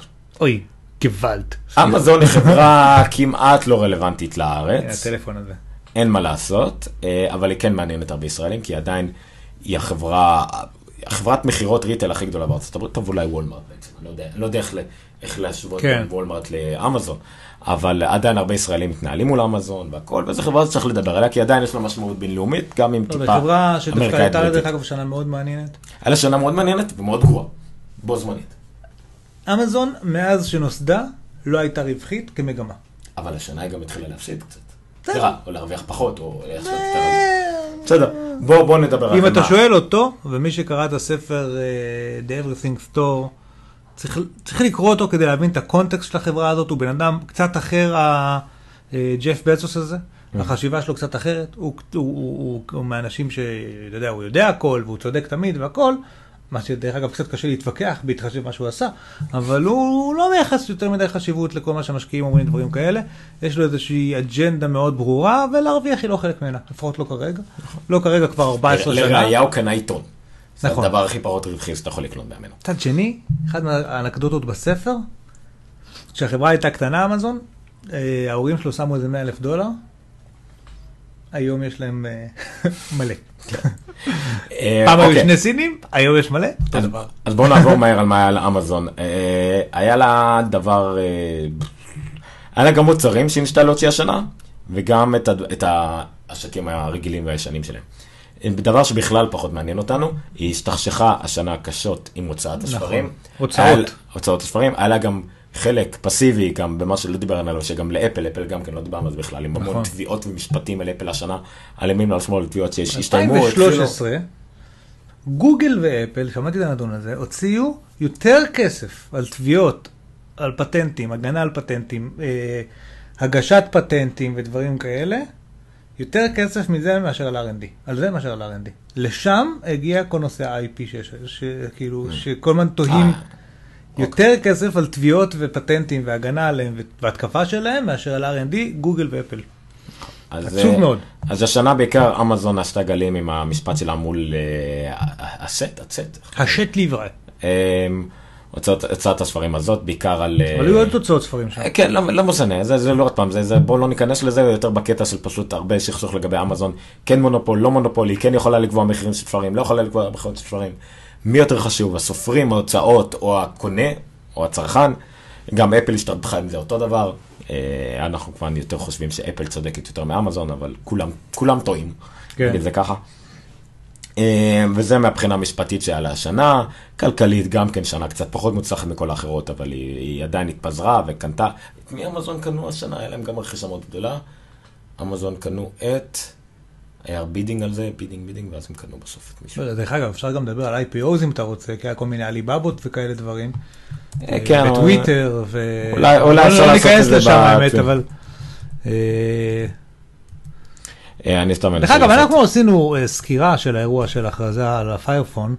אה, המסקנה שלנו אז הייתה, עשיתי סקירה נדמה לי על זה, המסקנה הייתה אז שהטלפון הזה הוא טוב למי שמעוניין לקנות דרך הטלפון באמזון, וזהו. עד היום זה פחות או יותר מה שהטלפון הזה טוב בו. אה, כן, אמזון קנו טוויץ, נכון. נכון. זה מה שהם קנו השנה, כן. קיצור, אה, דקה שנייה, אוקיי. אז מה אמזון עשתה השנה? אה, חוץ מזה שהיא קנתה... הטלפון הזה לא הצליח, רק נגיד כן, את זה, נכון. והם הורידו לו את המחיר במלא כסף. עכשיו אפשר לקנות אותו off contract, SIM free, 99 דולר. סליחה, שזה 100 כאילו- סליחה, 199 דולר, ומקבלים שנה של אמזון פריים. כן, שזה כאילו, אתה הולך בקופה בוולמארט, בדרך, ליד המאסטיקים יש טלפונים אני כאלה ממש של כמעט אמזון. קניתי דבר כזה, רק שתהיה בעניינים, שוב, כמו שאמרת, לטלפון אה, שלי, אבל זה יש לי את ה-one plus one. אם אתה יש אה, לך כבר אמזון פריים, אתה מקבל אה, אז זה הפיירפון. אה, הם הוציאו עוד מכשיר קטן שלא דיברו עליו השנה, אני לא זוכר מה זה, עם הוואנד הזה. אה, כן? הוואנד זה. וואנד הזה שמתקין, כאילו אתה יכול להקליט מה אתה צריך בבית. אתה תצטרך לשים בארבע, לדעתי, כי אחרת לא יראו את זה. אה, עדיין לא לא רואים את זה, כן. לא משנה, אנחנו רואים את הממשק. מתחת לבאנר, מאחורי, יש לך connection לא, לא, בסדר, בסדר. אמ, אז עוד מ- אז מוצר שהם כן הצליחו, השיקו השנה ודווקא כן מצליח, זה אמזון פייר TV ופייר TV סטיק שהם הוציאו לקראת סוף השנה. נכון. זה קופסה כמו אפל TV, כמו רוקו וכדומה, עם הממשק של אמזון עליה, קיבל הרבה מחמאות, גם מבחינת הייצור שלו, גם מבחינת המהירות שלו, כי הוא מאוד חזק. התכנים שלו זה כמעט כל התכנים שיש, אני חושב שהוא קיבל כבר את HBO Go, שזה החשר לו. אה, חיפוש קולי באמצעות, ה, באמצעות אה, אה, השלט. השלט. ולמרות שהחיפוש קצת מוגבל, כי אתה מחפש רק באמזון. עוד TV box כזה, עוד קופסת טלוויזיה, אבל מוצלחת מרוב השאר, אה, כי גוגל, שלא דיברנו על זה, הוציאו גם את הגוגל נקסוס פליי, שאמור להיות המוצר הראשון של אנדרואיד אה, TV, אה, שמאוד דומה, דרך אגב, לזה, או לממשק של יוטיוב של מי שמכיר, אבל עוד לא יצא באופן מספיק מכשירים כאלה. ואמזון, לפחות בארצות הברית, דווקא די מצליח, הוא קיבל כמעט, כמעט רק ביקורות חיוביות. גם ממני סך הכל, למרות שהשימוש העיקרי שלו היה עם פלקס, ודווקא בפלקס זה קצת גמגם, כי זה אפליקציה, צד ג' וכדומה. אבל עדיין זה נחמד, יחסית הרבה אפליקציות, הרבה משחקים, אפשר לקנות לו joysticks, שזה היה אחד המ- המכשירים הראשונים שבא ממש עם ג'ויסטיק ייעודי, אז הצליח לא רע. הם הוציאו לקראת, השנה, לקראת סוף השנה גם את אמזון אקו, שזה היה מין, מין אה, קופסה כזאת, שזה סוג של רמקול, בלוטות', שגם מאזין לך כל הזמן, ואתה יכול סוג לדבר של איתו. סירי של אמזון. סירי של אמזון, שזה משהו די הזוי, יחד עם הוואן.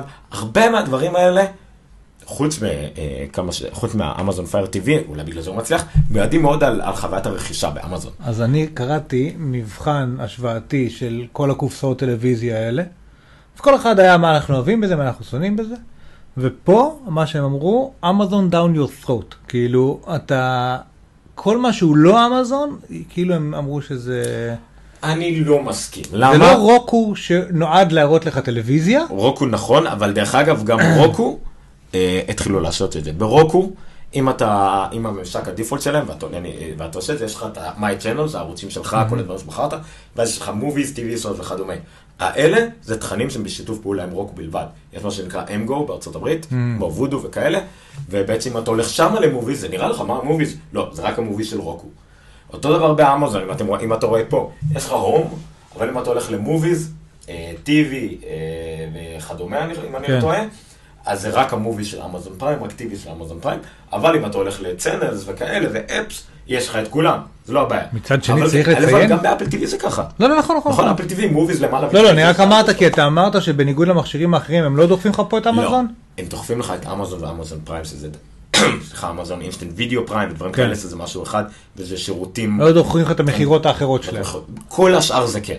אמזון אקו, כמה שזה יפה, זה תכלס אומר לך, זה תוסיף לי את זה לרשימת קניות, תוסיף לי את זה כן. לרשימה וכדומה.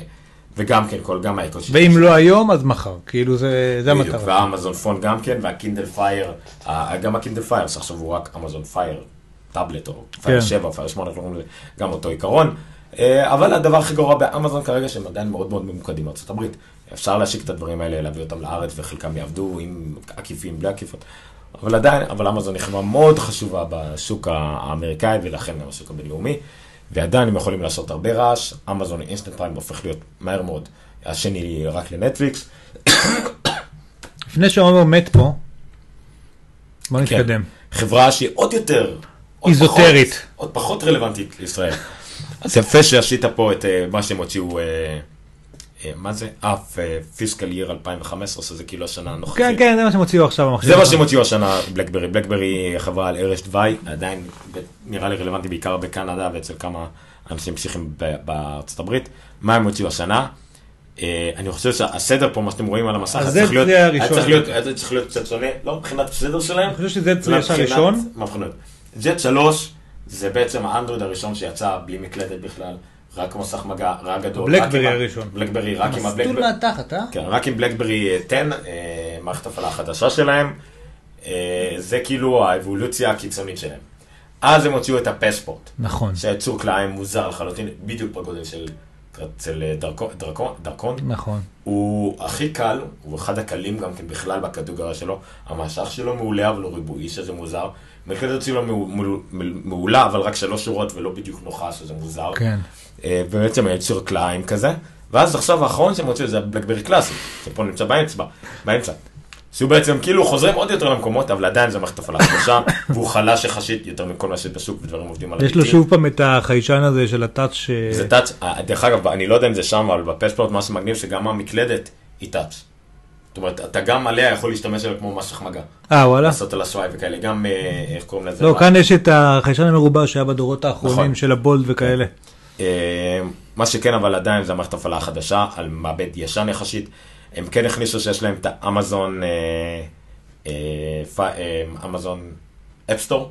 כן. זאת אומרת שיש להם בעצם חנות של אפליקציות אנדרואיד, כי המערכת הפעלה הזאת מבוססת אנדרואיד מלמטה, וזה גם כן מוזר. אני מת להיות פעם אה, יהי בישיבה. זכרה ברוך. כן. מת להיות בישיבה ב-software updates, security update install.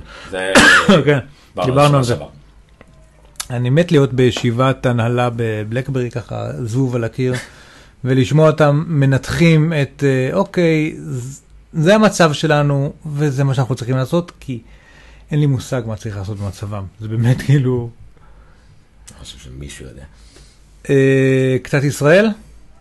אה, אפשר לדבר באופן כללי על מה יהיה לנו ב-2015, אבל אנחנו לא יודעים. נכון. אה, שמעתי במקרה עכשיו תוכנית שיקולי התחזית על 2015, זה יותר על מגמות, אפשר לדבר על, אה, על wearables, אפשר לדבר על security שיהיה מאוד חזק, אפשר לדבר על net neutrality בארצות הברית, לא דיברנו על זה כי זה לא כל כך רלוונטי.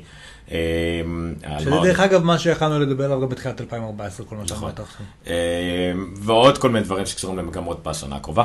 בואו נדבר על מה שמעניין אותנו בארץ. אני רוצה לשאול אותך שאלה. כן. יצא האפל וואץ', אוקיי? כנראה שיקרה משהו בעולם ה-wearables שם, אוקיי? סביב Mm. זה אולי יבוא איזשהו גלאסס כאלה או אחרים. סוני עכשיו הוציאו משהו, אה, עוד מישהו ראיתי שהוציא דל או מישהו, לא יודע, הוציא עוד גם משקפיים. זה לא זה, זה לא שם, אבל השאלה, בעולם ה-wearables כנראה, כנראה יקרה משהו משמעותי. טלוויזיות. האם סוף סוף יצא משהו, כי, כי אחרת איזה מהפכה תהיה השנה? איזה משהו ש... כי כל מה שאמרת עד עכשיו זה כאילו יותר ממה שראיתם השנה. שאלה אם יהיה איזה משהו שאנחנו נראה מדפסות- בו, מדפסות תלת-ממדיות, יותר ויותר. אה, אבל זה עדיין לא יהפוך מה ש- למיינסטרים השנה. נראה לי. זה נכון, זה, זה יהפוך להיות, אנחנו נשמע עליהם יותר, אבל זה לא יהיה משהו שאני נקנה עדיין. אה, מאוד יהיה השנה, אני לא יודע. אני חושב מה שהשנה זה שנת מעבר שכזאת. בעיקר, אבל בעיקר. תהיה שנת ה-wearables, אבל עדיין יהיה מאוד שנת ה-wearables. אוקיי. כל הדברים יבשים. טלוויזיות לא יהיו מהפכות. אה, אולי אם בארצות הברית טיפה יתנערו וזה ישפיע על שאר העולם. לא יצא אה, אפל TV חדש? אולי יצא, דיברו אולי יצא אפטיביסטי כזה. אבל אז אני לא חושב שיצא כזה דבר, כי אפל לא תרשה שיהיה דבר כזה, ואז אתה חייב לחבר אליו USB. כן. זה לא, זה לא יפה. אה, לא, לא ברור לי מה יהיה, לא חושב שיהיה בתור טלוויזיה. דרך אגב, הטלוויזיה משלבת רוקו, הקטנה, לא, נבחרה, לטלוויזיה הכי זולה, הכי מוצלחת השנה בארצות הברית. איזה טלוויזיה? אה, של TCL, אוקיי. מבוססת עם Roku, מערכת הפעלה שלה הוא Roku. וואלה. אה, היא עולה איזה 400 דולר ל-32 אינץ' משהו כזה. אה, אני מחכה שיצא אולי אפל TV שלא דווקא stick, אבל שאולי יעבוד עם HomeKit ושוב יתחבר ל-ecosystem של אולי- אפל, ואולי מהכיוון הזה נראה איזה משהו. הום קיט ו-i ביקונס והדברים האלה, אולי זה באמת יהיה, אפל תשים על זה דגש. לדעתי הם יותר קצת רוצים לדאוג ל-health, בגלל ה-Apple Watch. כן. ואם נגיד, נגיד כמו שעשה השנה Apple Watch, שנה הבאה יצא אפל TV, אז הם ייתנו דגש גם על HomeKit. נכון. ויהיה גם על, על זה. אני כן חושב שזה בהחלט יכול להיות העתיד, אני גם בתחום, ואני מאוד מקווה שזה יגיע, למרות שזה יהרוס את החברה שלי, כל התחום הזה של השלב ביניים הזה יהיה הרבה יותר פופולרי. מבחינת מה, ש... מבחינת מה שנראה השנה, מבחינת מה שנראה השנה בארץ, אה, זה כבר לא שעות, שני הדברים האלה בעצם התחילו השנה, אבל כנראה יקרו רק שנה הבאה. כבר יודעים מה שמונה ערים? לא, תל אביב, רעננה. ועוד שש. לא יודע. מה זה? מה זה השטויות אוקיי, האלה? אז Unlimited התחילה לפרוש השנה בארץ. מה שמפריע לה בעיקר זה בירוקרטיה, פוליטיקה אה, ובכלל סחבת. אה, אבל כן מתחילה יותר ויותר לפעול בארץ. אנחנו ראינו Unlimited זה fiber, fiber, אינטרנט. רשת, שחברת החשמל פורסת בשביל חברת צד ג' שתפעיל את זה, ועוד חברת צד ג' שתיתן לנו את השירותים שיכולה האלה. לתת עד ג'יגה בייט, אה, ג'יגה ביט סימטרי. הסימטרי זה כבר, בוא נגיד, זה לא יתאים לרוב האנשים, רוב האנשים יקחו נגיד את ה-200 מגה. 100 מי שלא- מגה סימטרי, 100 מגה סימטרי, שיהיה 100 מגה יציב. אני חותם עליו היום. אני נכון. מה זה חותם עליו? אבל אז אתה מיד תרצה את ה-200, אני מבטיח לך. מה? כי אם אתה חושב על זה, 100 מגה סימטרי זה עדיין רק 12 וחצי מגה לשנייה. אני לא צריך זה. עדיין יותר איטי מ-USB, אבל אתה רוצה לגבות, ואתה רוצה... לא משנה, אתה רוצה 4K, או לא יודע. טוב, נו, יאללה, אני היום נמצא על אה, 30 שביום טוב הוא 25. זה נכון. והוא- לא יציב עם אפלוד 3. די. זה נכון. אז עוד פעם, Unlimited ומהפכת אינטרנט נורמלי בארץ, כי לא יודע מה משפרים לכם, גם 200 מגה של ההוט וגם אמרו שיהיה להם 500 מגה עד סוף השנה, ואני לא רואה אותם אומרים את זה יותר. אה, זה לא באמת אינטרנט מהיר. עד שאין לכם מהירות העלאה נורמלית, חצי מהאינטרנט מוגבל לכם, אם זה גיבויים בענן, אם זה שידורים, אפילו החברות, תחשבו על זה שעכשיו סלקום, שזה הדבר הבא שיקרה ב-2015, סלקום TV נכנסת, נכנסה. שזה טלוויזיה על גבי האינטרנט, גם הם מוגבלים, כי הם צריכים לשלם, הם צריכים לשלם המון, הם צריכים לשלם המון לחברת אינטרנט כדי שהם יוכלו לעשות אפלוד מספיק, כדי שלכם יהיה דאונלוד מספיק, ולא לכל הבתים יש אינטרנט מספק במהירות מספקת, אז גם נורא תלויים בזה. הרבה אנשים מזלזלים בזה, מה זה סלקום על פני הטל... אני רואה דברים בנטפליקס ואמזון, אני מקווה שהשנה, השנה הגדולה תהיה לבית משפחת מצחיק. ניו, שאני אקנה טלוויזיה 4K, ואני אוכל לשדר ב-4K. מה יש לך 4K? כי נטפליקס ואמזון משרתות ב-4K. אמזון עכשיו היא להרבה תכנים ב-4K. טוב, אני לא יודע מאיפה הבאתי את התמונה הזאת, אבל כאילו יש פה תמונה של הטלוויזיה של סלקום, כל התמונות מאייסטוק פוטו עם- נכון. הווטרמרק לא עליהם. כזה, נראה לי זו תמונה רשמית, אז זה נורא מגוחך. כן. אמ, אז כן, אה, זה, האינטרנט זה דבר שישפיע לנו ישירות על החיים שלנו, כי זה גם התשתיות יהיו על פני אינטרנט, גם הטלוויזיה, הטלפון שכבר עכשיו נמצא על האינטרנט, כל הדברים האלה יהיו על פני התשתית, זה יהיה מאוד ישפיע אתה לנו יודע על מה. עוד גיליתי? Mm. שנגיד לא מזמן היו אצלי חברים, והראוטר שלי הגיע ללימיט שלו. כי יש כל כך הרבה מכשירים, אתה יודע, מגיעים, הראוטר שלך לא הגיע ללימיט שלו? לא, יש 16 מכשירים שמותר לו להתחבר מבחינה הזאת. איזה ראוטר? לא יודע, מה שקיבלתי מבזק. איזה? וואלה, RF היה כתוב. זה מתאים ל-100 מגה, כאילו VDSL? כן, כזה. לא, הוא יכול יותר. היה כתוב שם בפנים, בפנים שלו, בדקתי. 16 דבר. כזה. יש דבר כזה. אתה, אתה בטוח שזה מוגבל או שפשוט... אני ה- לא יודע, מה שאני רוצה לא, לומר... אתה ניס- ראית את הטווח כתובות שלו של ה-DHCP? לא, יש שם איזה limit שהיה כתוב בפנים. לא יודע, anyway, לא משנה. בכל אופן, מה שאני רוצה לומר, שכמות המכשירים היום שמחוברים לרשת בבית, וזה עוד לפני ה-smart home וכל ה-HomeKit וזה, מהמם. היא הפכה להיות לא הגיונית. כאן כרגע יושבים, לא יודע, זה שישה מכשירים, שבעה מכשירים, שאני מסתכל סביבי, אנחנו שני אנשים. כאילו, זה פסיכי. עכשיו, בכל בית לא משנה, שלי... אני, אני, אשתי ויול, יש נו. לנו, לספור לך, 1, 2, 3, 4, 5, 6, 7, 8, 9, משהו כמו 13 מכשירים מחוברים לאינטרנט. כן. זה 13, 14, מטורף, כאילו. שתיים וחצי אנשים. אז אנחנו חמישה אנשים, ויש גם כן אייפדים, ואפל טיווי, ו... ושלא, מכשירים מה שמוכרים. לכם בפרסומות של בזק כאלה זה חרטא. מה? לא צריך אינטרנט, אתה כבל תת-ימי לכל המכשירים, אה, בזמנית כן. חרטא, זה לא משנה. לא, לא, ברור כן שלא. צריך רוחב פס אבל מסוים כדי שזה יקרה. אה, אבל זה נהיה... זה עניין מאוד חשוב. וה- כן. עזוב, אני לא יודע למה אני, אמנם אני, אנחנו מסתובבים עם אנשים שכן מבינים עניין, אבל צריך להסביר את זה גם לדוד ולדודה ולנהג מונית ולכולם. מהירות האינטרנט, יציבות האינטרנט והדברים האלה זה הדבר הכי חשוב שיכול לקרות לנו כתרבות טכנולוגית בארץ ובכלל. וזה משפיע ישירות על מה שאנחנו רואים פה, על הסלקום זה TV. סלקו- סלקום- TV למשל, שנכנסה בכל תרועה ביום שני האחרון. אה, לדעתי זה לא, הדבר לא ייחלנו, אבל זה מתקרב לזה. לא, אבל דרך אגב, אחד מהתמונות תדמית המשמעותיות שראיתי בסלקום TV, קודם כל יש להם בעיה טכנית אחת מאוד מאוד משעשעת עם ערוץ 1, 2 ו-10, 10 כבר פחות בעיה, אבל ערוץ 1 ו-2, כי הם משודרים באוויר. לא, זה לא קשור לבעיה טכנית, פשוט זה לא קשור אליהם. כן. הם מביאים לך ממיר שהוא גם עידן פלוס ותסתדר אתה עם אנטנה.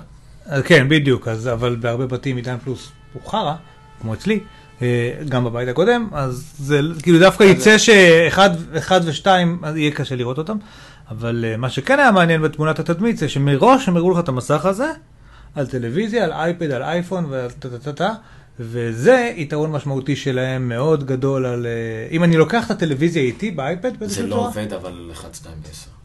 עזוב לך 2 אפליקציה ו-10, לא, לא, זה לא, עובד רק על השירותי VOD שלהם. סבבה, אני אומר. אבל אם אני יכול לקחת אית- איתי את הסלקום TV גם, אני לא יודע איך, אני לא בטוח שזה עובד מחוץ לבית, עובד מחוץ לבית. אבל אם זה עובד מחוץ לבית, זה יתרון מאוד משמעותי על יס והחברים האחרים. אז אני אסביר לך את זה אחרת, קוראים לזה סלקום TV. זה לא סלקום TV. מה זה? זה סלק פליקס. או סלקום זה רק ה-VOD או סלקום כאילו? פריים, או סלקום פלוס, או לא יודע מה. אוקיי. זה לא טלוויזיה. זה VOD? זה VOD. סבבה, זה שירות סטרימינג, זה לא TV. יס נותנים את זה היום? אה? יס נותנים את זה? כן. אוקיי. יש- מה זה? יס גו זה גם עוד יותר מזה, אבל כן. הבנתי. הוט אין את זה. יש את זה חלקית, אבל לא משנה. אה, הרעיון הוא, אבל לא משנה. אבל בגלל להם- שאין לי אבל יש- להם יש גם ערוצים רגילים וכדומה. פה לא. אני, יהיה ערוצים, יהיה ערוצי ספורט וכאלה שהם כאילו תוכניות בלייב. כן. אה, אבל אין, אה, אין ממש תוכנית סגרתית שלדעתי גם לא צריך להיות. לא צריך, כאילו, נכון, אתה נכון. רוצה, אמור, הערוצים האלה, כמו בארצות הברית, ערוצי הנטוורק, ערוצים 1, 2, 10, אה, 23, 36, אמורים להיות ערוצים בס- נכון. בלופים והכל, כל השאר לא צריך. נכון. אני לא צריך BBC אינטרטיימנט שמשדר לי בלופ. וזה מה לא שסלקום, סלקום. באים ואומרים, א', יש להם שני יתרונות, אחד, אנחנו לא הולכים לדחוף לכם 89 ערוצים שאתם לא תראו מתוכם יותר מתשע, עדיין יכול להיות שם 80% תכנים שאתה לא רוצה, אבל זה לא איזה כן. ערוצים, זה לא בזבוז כאילו. אבל כאילו הם מלכתחילה ירכשו פחות תכנים מה שיעזור להם איכשהו. אה, דבר שני, כרגע אין להם את הרגולציה שמחייבת אותם לעשות תוכן מקורי. שיש- לא יהיה להם גם לדעתי. אני לא יודע, לא- אני אולי לא, לא בהמשך, חושב שיהיה אה, להם, וגם לא אמור להיות להם, כי שוב, כן, איך הם משווקים את עצמם. א' כל כי זה אינטרנט, למרות שבעתיד גם שוב לא אמור, כן. כמו בארצות הברית שמנסים לעשות, אין הבדל בין אינטרנט לטלוויזיה וכדומה.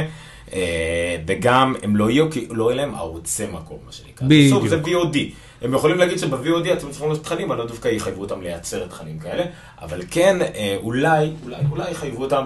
כמות מסוימת מההכנסות שלכם, תקדישו לרכישת תכנים ישראלים, או איזשהו כן. סוג אחר של רגולציה, שזה לא איזה רגולציה דרקונית, אלא פשוט כדי לעשות גיוון תכנים כמו שצריך, כמו שיגידו לנו שאתם צריכים גיוון תכנים, לא רק, לא יודע מה. אבל אה, לא משנה, אז סלקום TV כרגע זה לא באמת טלוויזיה, הדבר היחידי הוא שזה נותן לך בקופסה אחת גם נגיד נטפליקס, ישראלי כלשהו, וגם עידן פלוס בקופסה אחת, עם כן. ארדיסק ו-DVR וכאלה.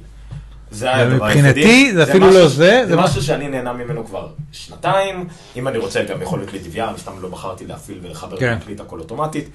אם יהיה את הלוח מסדרים, את הדברים האלה, נחמד, מגניב וכיף, אני גם מגלה לך בטלוויזיה הבאה שאני רוצה לקנות, והיום גם, אני סתם הולך לקנות טלוויזיה ב-8,000 שקל, כן, יש את זה גם בטלוויזיות ב-4,000 ו-3,000. אתה קונה טלוויזיה של סמסונג, שזה הדבר הכי קרוב שיש לזה בארץ, עם ממיר עידן פלוס מובנה, זהו, אתה מחבר את זה לאנטנה, כן. מחבר לטלוויזיה, מחבר ארדיסק, USB, ויש לך אותו דבר. יש לך את הלוח שידורים שמתקבל, כן. מעביר, אתה יכול להקליט ולשדר הקלטות והכל, לגשת לסמסונג VOD, זה דומה למה שיש סלקום, אולי סלקום TV יהיו חכמים, גם ייתנו את זה גם לאחרים בתשלום. כן. שלים לנו 50 שקל לחודש, בלי קופסה, בלי כלום, קח את השירות, אולי, זה שווה את זה. אה, אבל גם בטלוויזיה הזאת אתה יכול לראות נטפליקס והולו והכל, יש לי הכל בטלוויזיה, בלי להחליף ערוץ, בלי פה, גם עדיין, סלקום TV עדיין שצריך להתחבר ל-HDMI 1. כן. שזה חיבור אחד יותר ממה שאני צריך בטלוויזיה, כי יהיה לי הכל מובנה וכדומה. אז, אז הדברים האלה צריכים להגש יותר ויותר לכיוון טלוויזיות של קום טבעי, זה טכנולוגיית ביניים מעניינת, זה טוב שיש עוד תחרות, בדיוק. זה לא, זה לא העתיד ז- של... זאת הנקודה מבחינתי המשמעותית ביותר בסלקום הזה, שזה כבר לא דואופול של שתי חברות, יש תחרות וזה אולי סוף סוף יאפשר לזה שאצל יס לא תצטרך לשלם איזה 200 שקל על חבילה בסיסית. אה, ש, שיש בה מלא ערוצים שאתה לא רוצה לראות, ואולי סוף סוף הם יאלצו להציע לך חבילות אטרקטיביות יותר, אה, במחירים שפויים רק כדי להיות, אני- להוות תחרות. אני כן ממליץ, מה ששלקום בהודעה לעיתונות אמרו שיהיה להם, עוד אין להם את זה, משהו שאולי אפילו אני אשקול לעשות, אם נגיד לא יהיה לי עדיין את הטלוויזיה הזאת, או מה שזה בעיה תקציבית אחרות. ב-199 שקלים לחודש, סלקום TV מגיע ב-99 שקלים.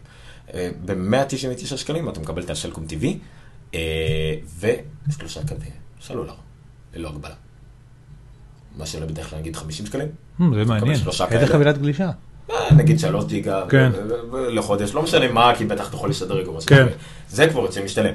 נכון. זה כבר מדהים, זה, אין לי בעיה, כי אז יוצא תכלס 50 שקלים על הטלוויזיה, בשביל לקבל קופסה, שתקלוט לי את נכון. העידן פלוס אם אין לך טלוויזיה מתקדמת כרגע, ו-VOD, שוב, 50 שקל זה 12 דולר, בשביל VOD עם תרגום בעברית, נכון. זה, זה עדיין חשוב מאוד לאנשים בארץ, אז כן, אז זה משתלם. 100 שקל רק לזה, נכון. גבולי, אם אתה באמת רוצה לחסוך על הוט ולא אכפת לך בדברים האלה, ויש ויש- לך קליטה טובה של עידן. וזה חלק מהמטרה של סלקום בכניסה לטלוויזיה, זה להביא אנשים לטלפון. נכון. זה לא- זה לא במקרה, זאת אומרת, המבצע נכון. הזה משתלם אם- יותר עם הטלפון ופחות כרגע- הטלפון. כרגע שצריך לציין כרגע זה לא כאן, שזה יהיה, זה עתיד, ואני, בוא נגיד, אולי אני אפילו אשקול לעשות את זה, כי מה אכפת לי. אה, יש לי עוד קופסה כזאת בבית, ואם זה עובד, זה עובד. אה, אז זה שוב, זה רק העתיד בארץ, שני הדברים הכי חשובים שיקרו חוץ מהעובדה שיהיה בחירות וממשלה חדשה וכנראה, יהיה את ה-Unlimited. דווקא זה לא ישתנה לדעתי. השאר תקשורת הבא והכל לדעתי, יפעול הרבה על אה, סבירת העניין של הוט. ו- לפוצץ את זה? של הוט, תכף נעשה איזשהו זה, של אה, הוט ו-yes, אה, מאוד דברים שצריכים לשבור בארץ. עוד כל מיני דברים, כאילו חפת חשמל, נ- גז וכאלה. אה, אוקיי, אה, וואו, סיימנו. וואו. אה, גלעד מאשר את אכזבתו לגבי שאתה משתמש בראוטר הזה של בזק, למה אתה לא רוצה ראוטר אחר? יש לי איירפורט אקספרס. נו, הוא עד 30 קליינט, לא, אבל... טוב, לא משנה כזה עכשיו. אתה רוצה אני. לא, אני החלפתי כל כך הרבה בתקופה האחרונה שכבר נשבר לי. נדבר אחרי זה על מה אתה חושב, אולי אני אתן לך אפילו משהו היום, אז תנסה, תראה איך זה עוזר לך. אמ, שונא את בזק. אני רוצה את ה-Unlimited הזה כבר. אוקיי, אני מאחל לי שב-2015 יהיה לי Unlimited. אוקיי. אז אה, אנחנו היינו הנונקאסט בגיקסטר, אה, תוכנית קצרה של שעתיים וחצי. אל תהרוג אותי. לא יכול להוציא כל כך הרבה כסף ברולדין עכשיו. אתה חשבת שזה ייקח פחות ריאלי? כן, כן, באמת רציתי זה פחות. רצית, כן, חשבת? האמת, השעה הראשונה הייתה צריכה לקחת חצי שעה. אבל היא לא לקחה חצי שעה, לקחה שעה. ככה זה, ככה זה בזמן. כן. שעה לוקחת שעה. אה, אז הגיקסטר, איפה אתם יכולים למצוא אותנו? אתם יכולים למצוא אותנו בגיקסטר, co.il דבר ראשון, ואז יש נכון. נונקאסט וכל השאר. אה, שכללתי טיפה את העניינים, אם אתם רוצים לגשת לפייסבוק, טוויטר, לינקדאין או גוגל פלוס שלנו, פשוט תוסיפו אחרי גיקסטר co.il, את מה שאתם רוצים. גיקסטר co.il slash פייסבוק, תגיעו לפייסבוק שלנו, slash טוויטר, לטוויטר, לינקדאין או גוגל פלוס. אה, אתם יכולים למצוא אותי בסטרודל עומר ניניו, אותו בסטרודל שטרודל נירחו. אה, נירחו, אה, ובפייסבוק כמובן פשוט תחפשו גיקסטר בגוגל, תגיעו לכל המקומות שלנו. אה, תעקבו אחרינו, תירשמו לנונקאסט ב-RSS או באייטונס, תנו לנו ציון טוב באייטונס, ספרו עלינו לאדם אחד או שתיים או שבעים אה, עלינו, ונשמח לשמוע את דעתכם, תכתבו עלינו בנונקאסט את סטרודל גיקסטר של או שלוב בכל הדברים שאמרנו אה, לפני כן. אנחנו מקווים שיהיה לכם 2015 נפלאה, אנחנו אה, מאוד שמחים. שכל מה שאתם מאחלים לעצמכם יתגשם. חוץ מהדברים שמתנגשים עם מה שאנחנו מאחלים נכון, לעצמנו. לדוגמה, אם ה-Unlimited שלכם אמור להגיע לפני שלי, אז שזה לא יתגשם. בדיוק. אה, אנחנו, אם נשקם את 2014 ב- ב- בנימה אישית אה, גיקסטרית נונקסית, אה, אני חושב שהתקדמנו הרבה, התחלנו את 2014 בסקייפ. בסקייפ, נראה לי, או לא, עברנו כבר לגוגל, לא זוכר. כן. אבל עכשיו אתם רואים אותנו הרבה יותר משוכללים, הרבה יותר נחמדים, אפילו את הכתובית למטה, למרות שזה נורא סיני כזה, קוריאני, לא יודע מה זה, לא משנה. אה, אז תודה רבה שהייתם איתנו השנה, מקווים ש-2015 תהיה עוד אה, שנת מפנה קטנה בגיקסטר ונונקאסט. אה, מי ייתן ובבחירות ינצ- ינצחו הטובים, מי שאתם רואים לנכון, בעיקר מרץ. לא, אני רוצה להמליץ לכם, אם אתם כמוני והפוליטיקה לא באמת מעניינת אתכם, תצביעו לירוקים. כי חרא בכל מקרה יהיה פה, לפחות שיהיה לנו אוויר נקי. אז לא יהיה חרא. לא, זה חרא מקרה. הריחני, אתה מ- מאחל לכולם. לא יהיה מספיק חרא, אל תדאג, anyway. אבל, אבל, אבל אולי, לא יודע, דוב אחד ינצל. אין דובים בארץ. לא בקוטב. זה קואלה. כבר אתה מאחל על משהו שם בארץ. דוב נמלים בספארי. אה? שאכל קנגורו. לא, זה נחש פיתון באוסטרליה שאכל קנגורו. זה היה מצחיק. Holy shit. anyway, תודה רבה לך שהייתם איתנו. אה, גיקסטר, נונקאסט, איך שלא תקראו לזה, והוא הוריד את המשקפיים, הוא רציני. אני במקור בלי משקפיים, רק בקריאה אני עם משקפיים. הוא זקן, גם אני. נכון, נכון, אני זקן. אז זהו, תודה רבה. אתה יודע אה, כמה אני זקן? אני רוצה... אני חייב להגיד לך אנקדוטה שקרתה לי היום וקשורה למחשבים. אוקיי, רק כי זה קשור יש. לנו מתכנת רוסי אחד.